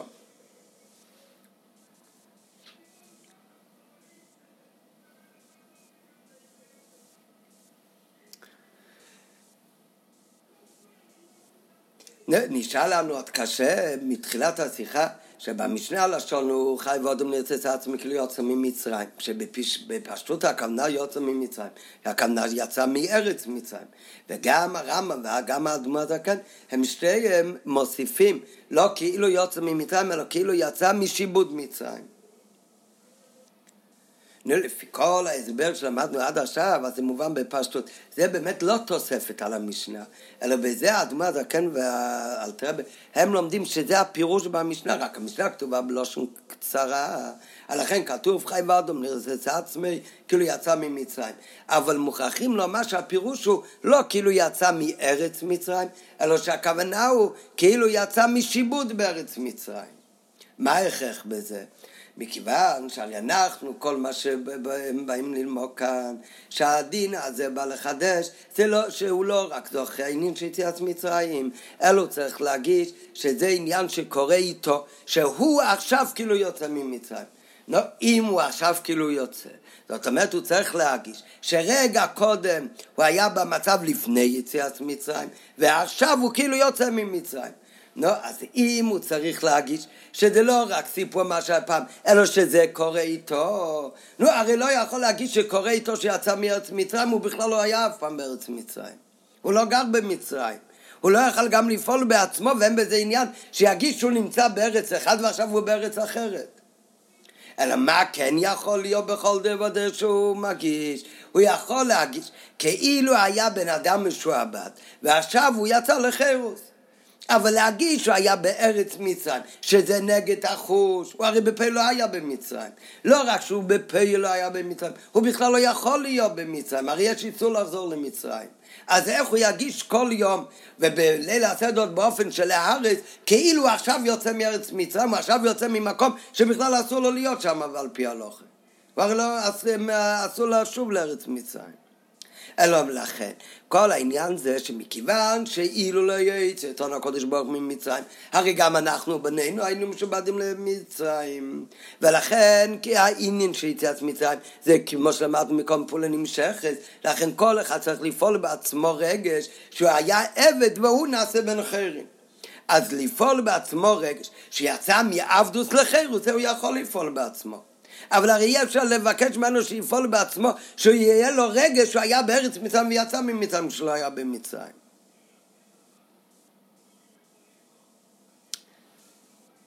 נראה בפנים באותיות ב', הביר בזה שרם ואדמה זקן כותבים שהחיוב כאילו יוצא משיבוד מצרים, רק משיבוד מצרים, אף שלא שונה מישנו, וכן העתיקו בנוסח הגוד, כאילו יוצא ממצרים, מכיוון שכבון עשה מישנו, שחי ואודם נרץ כאילו יוצא ממצרים, היא כמו שמפרשים הרמב"ם ועד מה זה כן, שירי כאילו הוא עכשיו יוצא ממצרים, לא כאילו הוא היה מאלה שלפני שלוש אלף שנה יצא ממצרים.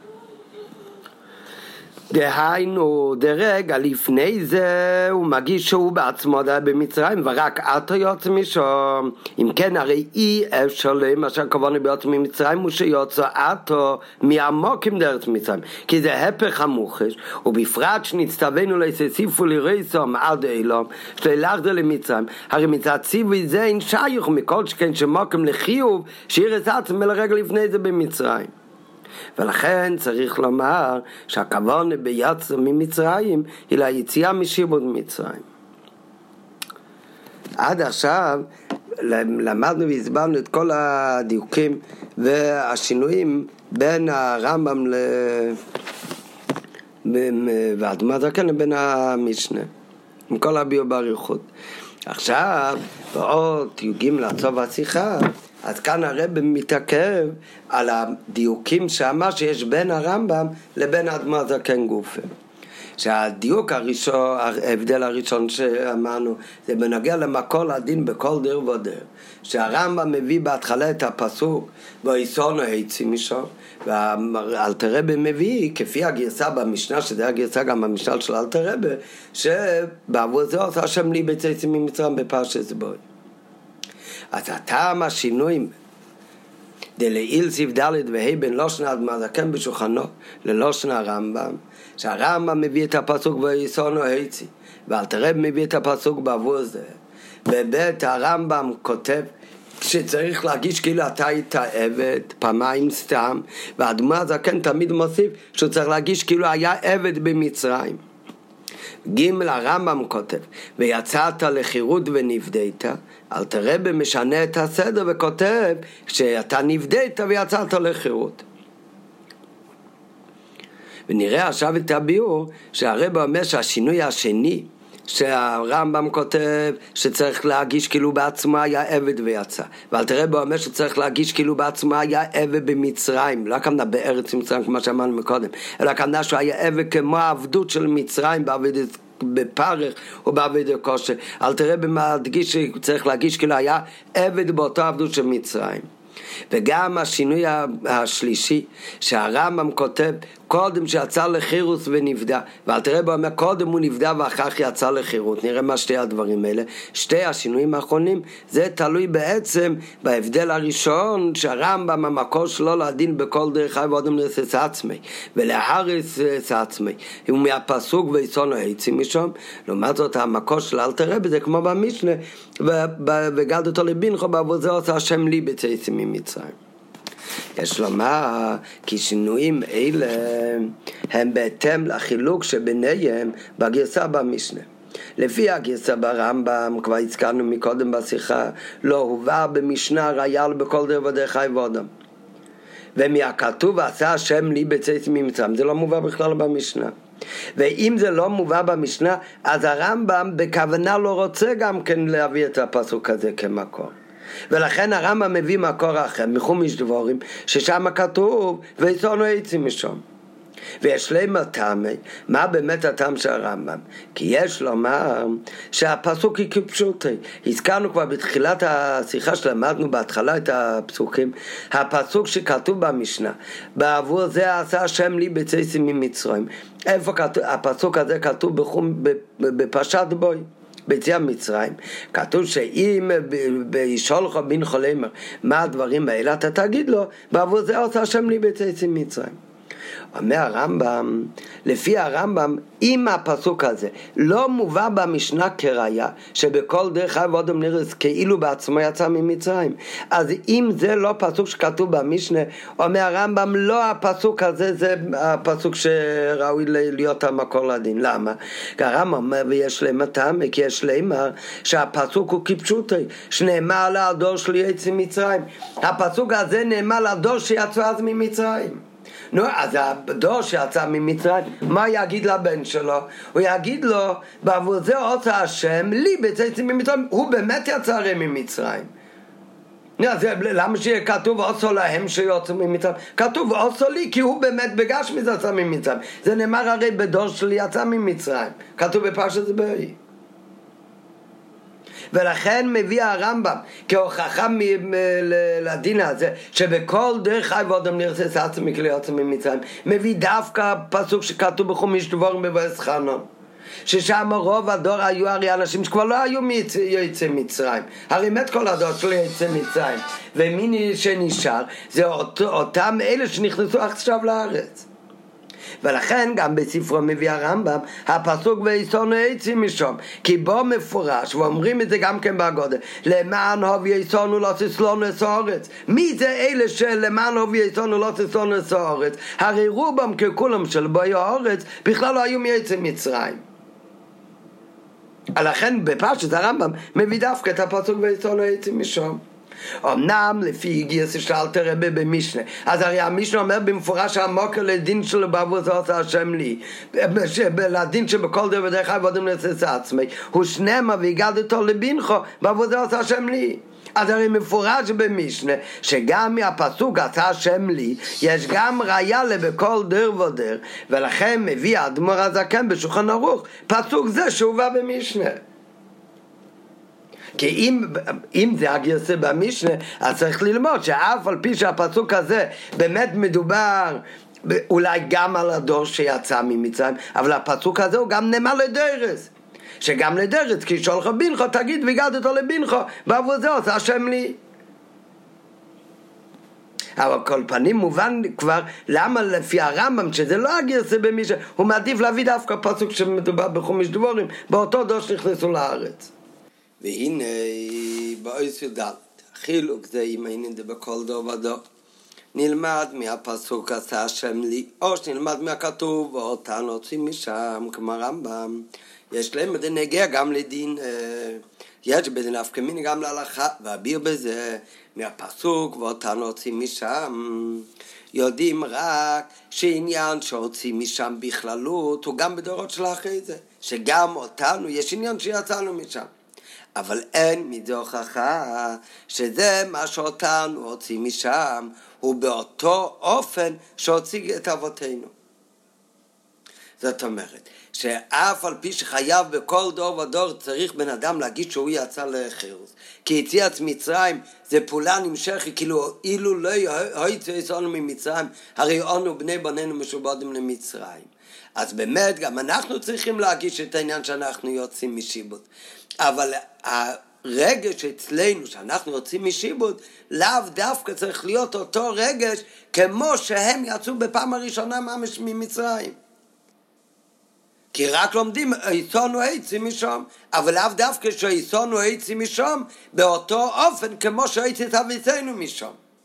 מה שאין כן עם המקור, הפסוק, עושה השם לי בצאצים ממצרים, שמכיוון שהוא אומר לי ולא לנו, היינו, שהכתוב מדגיש, שמדבר בעניין כזה, שרק האב שהיה במצרים, על כל פנים בדור הראשון, כמו שאמרנו אחר כך, שבאמת מהפסוק הזה לפי המשנה ולפי אלתר רבי, לומדים שגם בדורות אחר כך צריך להיות אותו רגש ולהגיד, בעבור עושה השם לי בצאצים ממצרים. אבל הרי זה נאמר בפעם הראשונה לדור שיצא ממצרים. ובדור הזה אומרים שהאבא יגיד לבן שלו, בעבור זה עושה השם לי בצאצים ממצרים. זאת אומרת, אבא אומר לבן משהו שהבן לא חווה, והאבא כן חווה את זה, אז האבא אומר, בעבור זה עושה השם לי בצאצים ממצרים. ואם לומדים מזה, לפי המשנה ואלתרבה, שגורס ככה את המשנה. אבל מזה לומדים שכך צריך להיות בכל דר ודר. זאת אומרת, בכל דר ודר, איך צריך להיות הרגש כאילו הוא יוצא ממצרים, בדיוק כמו הרגש של אותו אבא הראשון שהיה ביציאת מצרים, שהוא אומר לבן שלו בעבודת השם בצאצא ממצרים.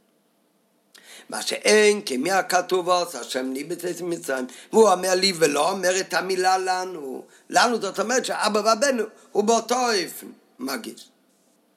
אבל אם הוא אומר לי, היינו שהכתוב מדגיש, שמדבר בעניין כזה, שרק האב שהויו במצרים, כי בפעם הראשונה זה הרי מדבר על אה, מצרים, אחר כך לומדים את זה גם מצרים, מצרים בכל דרך, יכול להרגיש, ורק הוא יכול להרגיש את זה ולא הבן. מזה מוכרח שהכוונה היא לאותה יציאה ממצרים שהייתה לאביסנו. ומכיוון שהפסוק מדבר הרי גם בדרס הבוים, כאומרו ביום ההוא, הרי מוכרח שהיציאה ממצרים שבכל דר ודר היא צריכה להיות באותו אופן כמו שעושה השם לי באותו אחד הראשון שיצא ממצרים באיזה אופן כמו שהייתה בפעם הראשונה ועל פי זה מובן למה רמב"ם כותב רק שבכל דבר ודרך חייב לראות את עצמו כאילו הוא בעצמו יוצא עכשיו משיבוט וכאילו בעצמו היה עבד ואל תראה במוסיף שהוא צריך להגיד כאילו הוא בעצמו היה עבד במצרים דווקא ועל פי זה מובן. מה שלפי דס, הרמב"ם החיוב לרסס עצמי, הוא כאילו אתה בעצמך היית עבד, עבד סתם. אבל לאו דווקא שהרגש שלו בכל דרך צריך להיות. באמת צריך להיות שהוא בעצמו יצא משיבוט, אבל לא באותו אופן כמו שהדרך הראשון יצא משיבוט מצרים. מה שאין כן לדעת על דמו הזקן, החיוב לירס הוא כאילו אתה בעצמך היית לא רק עבד, אלא אתה בעצמך היית במצרים עבד. עבדוס מיוחדת של מצרים, כי מהכתוב אותנו עצים שם, לא מארץ מצרים, ארץ מצרים מה מקודם, זה הרי לא יכול להגיש, אבל צריך להגיש עבדוס מיוחדת כמו עבדוס במצרים של הדר הראשון. כי מהכתוב אותנו הוצאים משם שזה הפסוק שממנו המובא ברמב"ם מוכרח רק שבכל דר ודרך יש העניין דוהצים משם. בכללות שגם לנו יש עניין שיציאת ממצרים מה שאין כמי הכתוב עשה השם לי, שזה מובא בשכונו אחד מהזקן כמו במשנה, מזה מוכח שגם היציאה ממצרים שבכל דר ודר היא בשווה ליציאה שהייתה בפעם הראשונה. ועל פי זה שלפי האלתר רבי צריך להיות לא רק רגש בכל דר, לא רק זיכרון, אלא גם רגש כאילו בעצמו יצא ממצרים. אבל לא רק שהוא בעצמו יצא ונהיה בן חרם מעבד, כך אומר הרמב"ם, אלא צריך להגיש כאילו היה לא סתם עבד, אלא צריך להגיש את אותו עבדוס כמו שהיה באמת בהתחלה במצרים, והוא צריך להגיש כאילו יוצא מאותו עבדוס של ארץ מצרים. אז על פי זה גם אפשר להבין למה אלתרבה כשהוא אומר, הוא צריך להגיש שהוא בעצמו יצא ממצרים, הוא משנה מהרמב"ם. שהרמב"ם אומר, צריך להגיש שאחרי שהוא יצא לחירוס, ונבד... שיצאת לחירוס ונפדית, ואלתרבה משנה את הסדר, כותב קודם ונפדית ויצאת לחירוס. למה באמת? כי בדרך כלל הסדר שעבד משתחרר, עבד סתם, נראה בהמשך, הסדר שעבד סתם משתחרר, שהוא קודם יוצא לחירות, ואחר כך הוא גם כן נבדל. לעומת זאת, עוד מעט נראה מה זה שתי הדברים של בן חירין ונבדל. לעומת זאת, במצרים זה היה יוצא מן הכלל. במצרים הסדר היה שקודם היו צריכים להיות לצאת ליבדוס, ורק אחר כך היה עניין של בן חירין. הפוך מהסדר הרגיל. אז לפי הרמב"ם שבכל דבר חייב בן אדם לחוות את עצמו יוצא במצרים במה, אבל לא כמו בפעם הראשונה ממש, אלא צריך לחוות את עצם עניין כלולס או עניין שיוצאו משם, שיצאת מעבדות. אז לכן כלולוס עניין שיוצאים מעבדות, אז בדרך כלל איך הוא צריך לחוות ולהגיש את זה? שהוא נהיה בן חרן ואחר כך גם נבדק.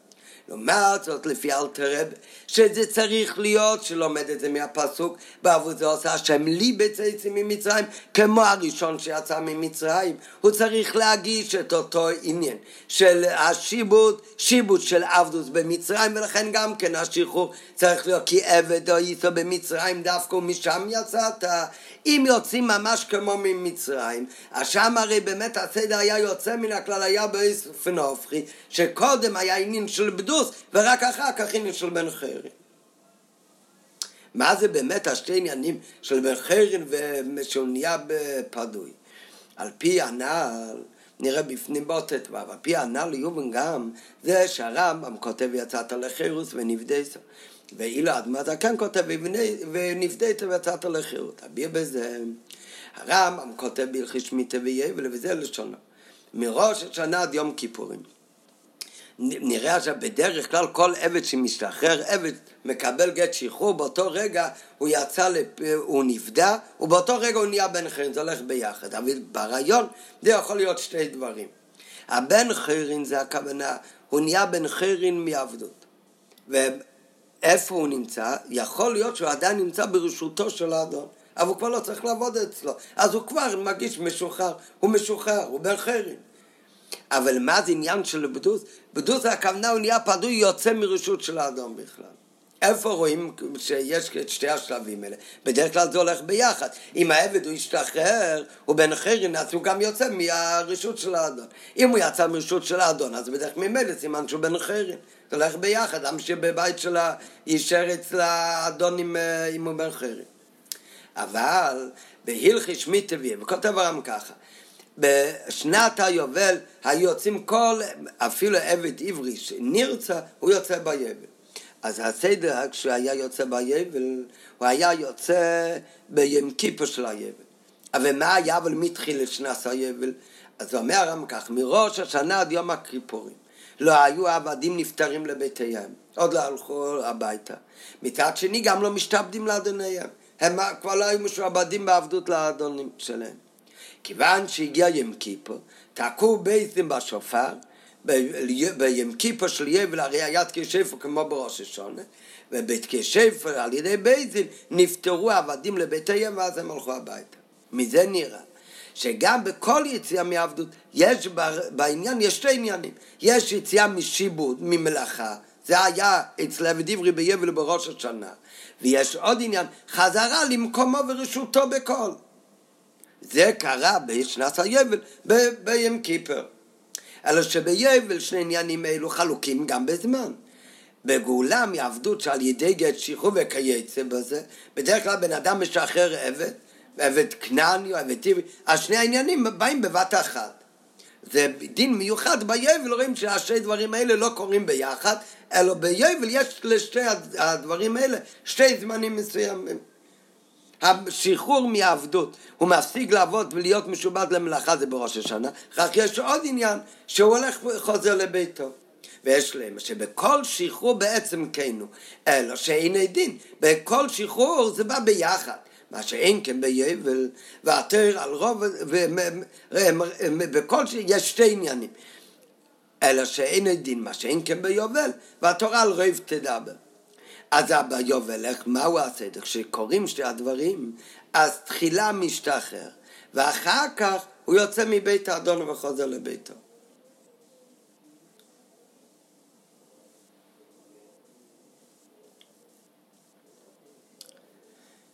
וזהו שהרמב"ם בהלכת חום, סומציה שם. כשהוא אומר, בן אדם צריך להגיש שהוא בעצמו יצא ממצרים, והוא עכשיו יצא בעצמו, כאילו אתה בעצמך היית עבד, ויצאת משם, אז אומר, תראה, אומר הרמב"ם, הוא אומר, יצאת לחירות, ואחר כך הוא מוסיף ונפדית. מה זה שני הדברים האלה?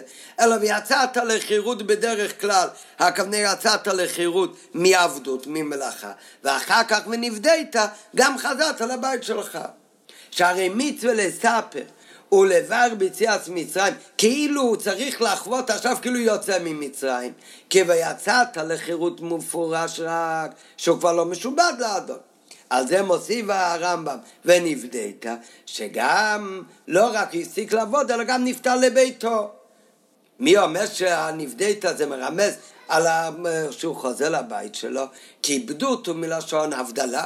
ובנידון דידן, מה הכוונה הוא נבדל? הוא נבדל, הוא נבדל מרשות של האדון, וחזר ונפטר לבייסי. לעומת זאת, זה בדרך כלל. בדרך כלל, ותר על הרב תדע בעבד עברי שאם הוא יוצא ביבל, אז מהו הסדר? קודם הוא משתחרר בראש השנה מעבדוס, ואחר כך הוא משתחרר, ואחר כך יש גם עניין של בדוס, של אבדולה שהוא נבדל מרשות ובית האדון וחוזר לבית שלו. לעומת זאת במצרים כתוב, כתוב במדרש שהיה מקום במצרים פי החירות. שלמה נקרא המקום הזה ככה? כי בארץ מצרים אב עבד לא יכל להשתחרר, לא היה כזה מושג. כדי שהוא ישתחרר, הוא היה צריך קודם להגיע למקום מסוים. שזה היה בגבול של ארץ מצרים. לכן נקרא המקום הזה פי החירס, כשהגיעו למקום הזה, אז רק בן אדם, עבד יכל להפוך להיות בן חירים במצרים. זאת אומרת במצרים, כדי שיגמר העניין של שיבוד ועבדוס, היה צריך להיות קודם עניין של בדוס. צריך לצאת מהמקום שהיה עבד, ולצאת מהמקום של, עד למקום של פי החירס, ואז נפעל גם עניין של בן חירים שנהיה משוחרר. אז לפי הרמב"ם שהוא צריך להגיש את השחרור כמו שעבד, אייסון או עצים משם על זה רק בכלולות, שהוא צריך גם לחוות עניין כאילו היה עבד והשתחרר, אז שיגיש כמו בדרך כלל עבד משתחרר שקודם יש עניין של בן חרין ואחר כך עניין של בדוס. אבל לפי אלתר רב, שהוא צריך לומד את זה מהפסוק, וכבעבור זה עושה השם לי בצייצים ממצרואים. הוא צריך להגיש ולחוות שהוא בעצמו יצא לא רק מעבדוס, אלא כאילו הוא בעצמו היה במצרים עבד. אם הוא צריך להגיש שהוא בעצמו היה במצרים עבד, עבדוס כזאת, אז הוא צריך להגיש את היציאת מצרים קודם עניין ונבדית, ורק אחר כך נעשה בן חרין. והנה באיסס זין והנה מהעניינים שבעבדוס מצרים? שונה משעבדוס הוא שכל זמן שהעבד היה נמצא בארץ מצרים לא היה אפשר שישתחרר ויעשה מחר רק כאשר העבד היה בורח ממצרים ומגיע לפי החירס אז נעשה בן חרם על פי זה נמצא שהסיידה שיצא לחירוס ובדוס בגולה מעבדוס במצרים הייתה באופן הפוך מבגולה בעבדוס, מעבדוס סתם בגולה מעבדוסתם, בתחיל את זה לחירוס, לא הם משתעבדין אל עדיניהם, ורק אחר כך, ביום כיפה היה עניין של בדוס, נפתורם לביתיהם. מה שאין כן בהגולה בעבדוס מצרים, מכיוון שכל זמן שהעבד היה נמצא במצרים, לא היה אפשר שיעשה בן חרין, הרי נמצא שבתחילו הוא בדוס, היינו היציע ממקיימה, ורשוס יש לו עודן, ורק לאחרי זה נעשה יציע לחירוס. ועל פי זה מובן השינוי שבין לשון אלתר רבי של זקן ללשון הרמב"ם. מה שהרמב"ם כותב ויצאת לחירות ואחר כך נבדית והאדמה זקן כותב ונבדית ואחר יצאת לחירות. כי לפי דעת הרמב"ם החיוב וזוכרתו הוא כאילו אתה בעצמך היית עבד. עבד סתם, הוא לא מדגיש כאילו אתה בעצמך היית במצרים עבד. אלא כאילו אתה בעצמך היית עבד. עצונו עצים משום באופן כללי, עבד סתם. או ביציאה מעבדוס סתם, אבל התחיל זה יציאה לחרס אחר כך בדוס. מה שאין כן לדעת אדמה זקן, שהחיוב וזו אחת, או כאילו אתה בעצמך היית במצרים עבד. לכן הסדר צריך להיות גם בהגשה של הגולה כמו ביציאה ממצרים, ונבדית ואחר כך ויצאת לחירוס. כי ביציאה מעבדוס מצרים, בתחילה היה עבדוס, ואחר כך היה יציאה לחירוס. ויהי רצון שבקרוב ממש נזכה לאחירוס, דגולה מיתיס והשלימו על די משיח צדקנו.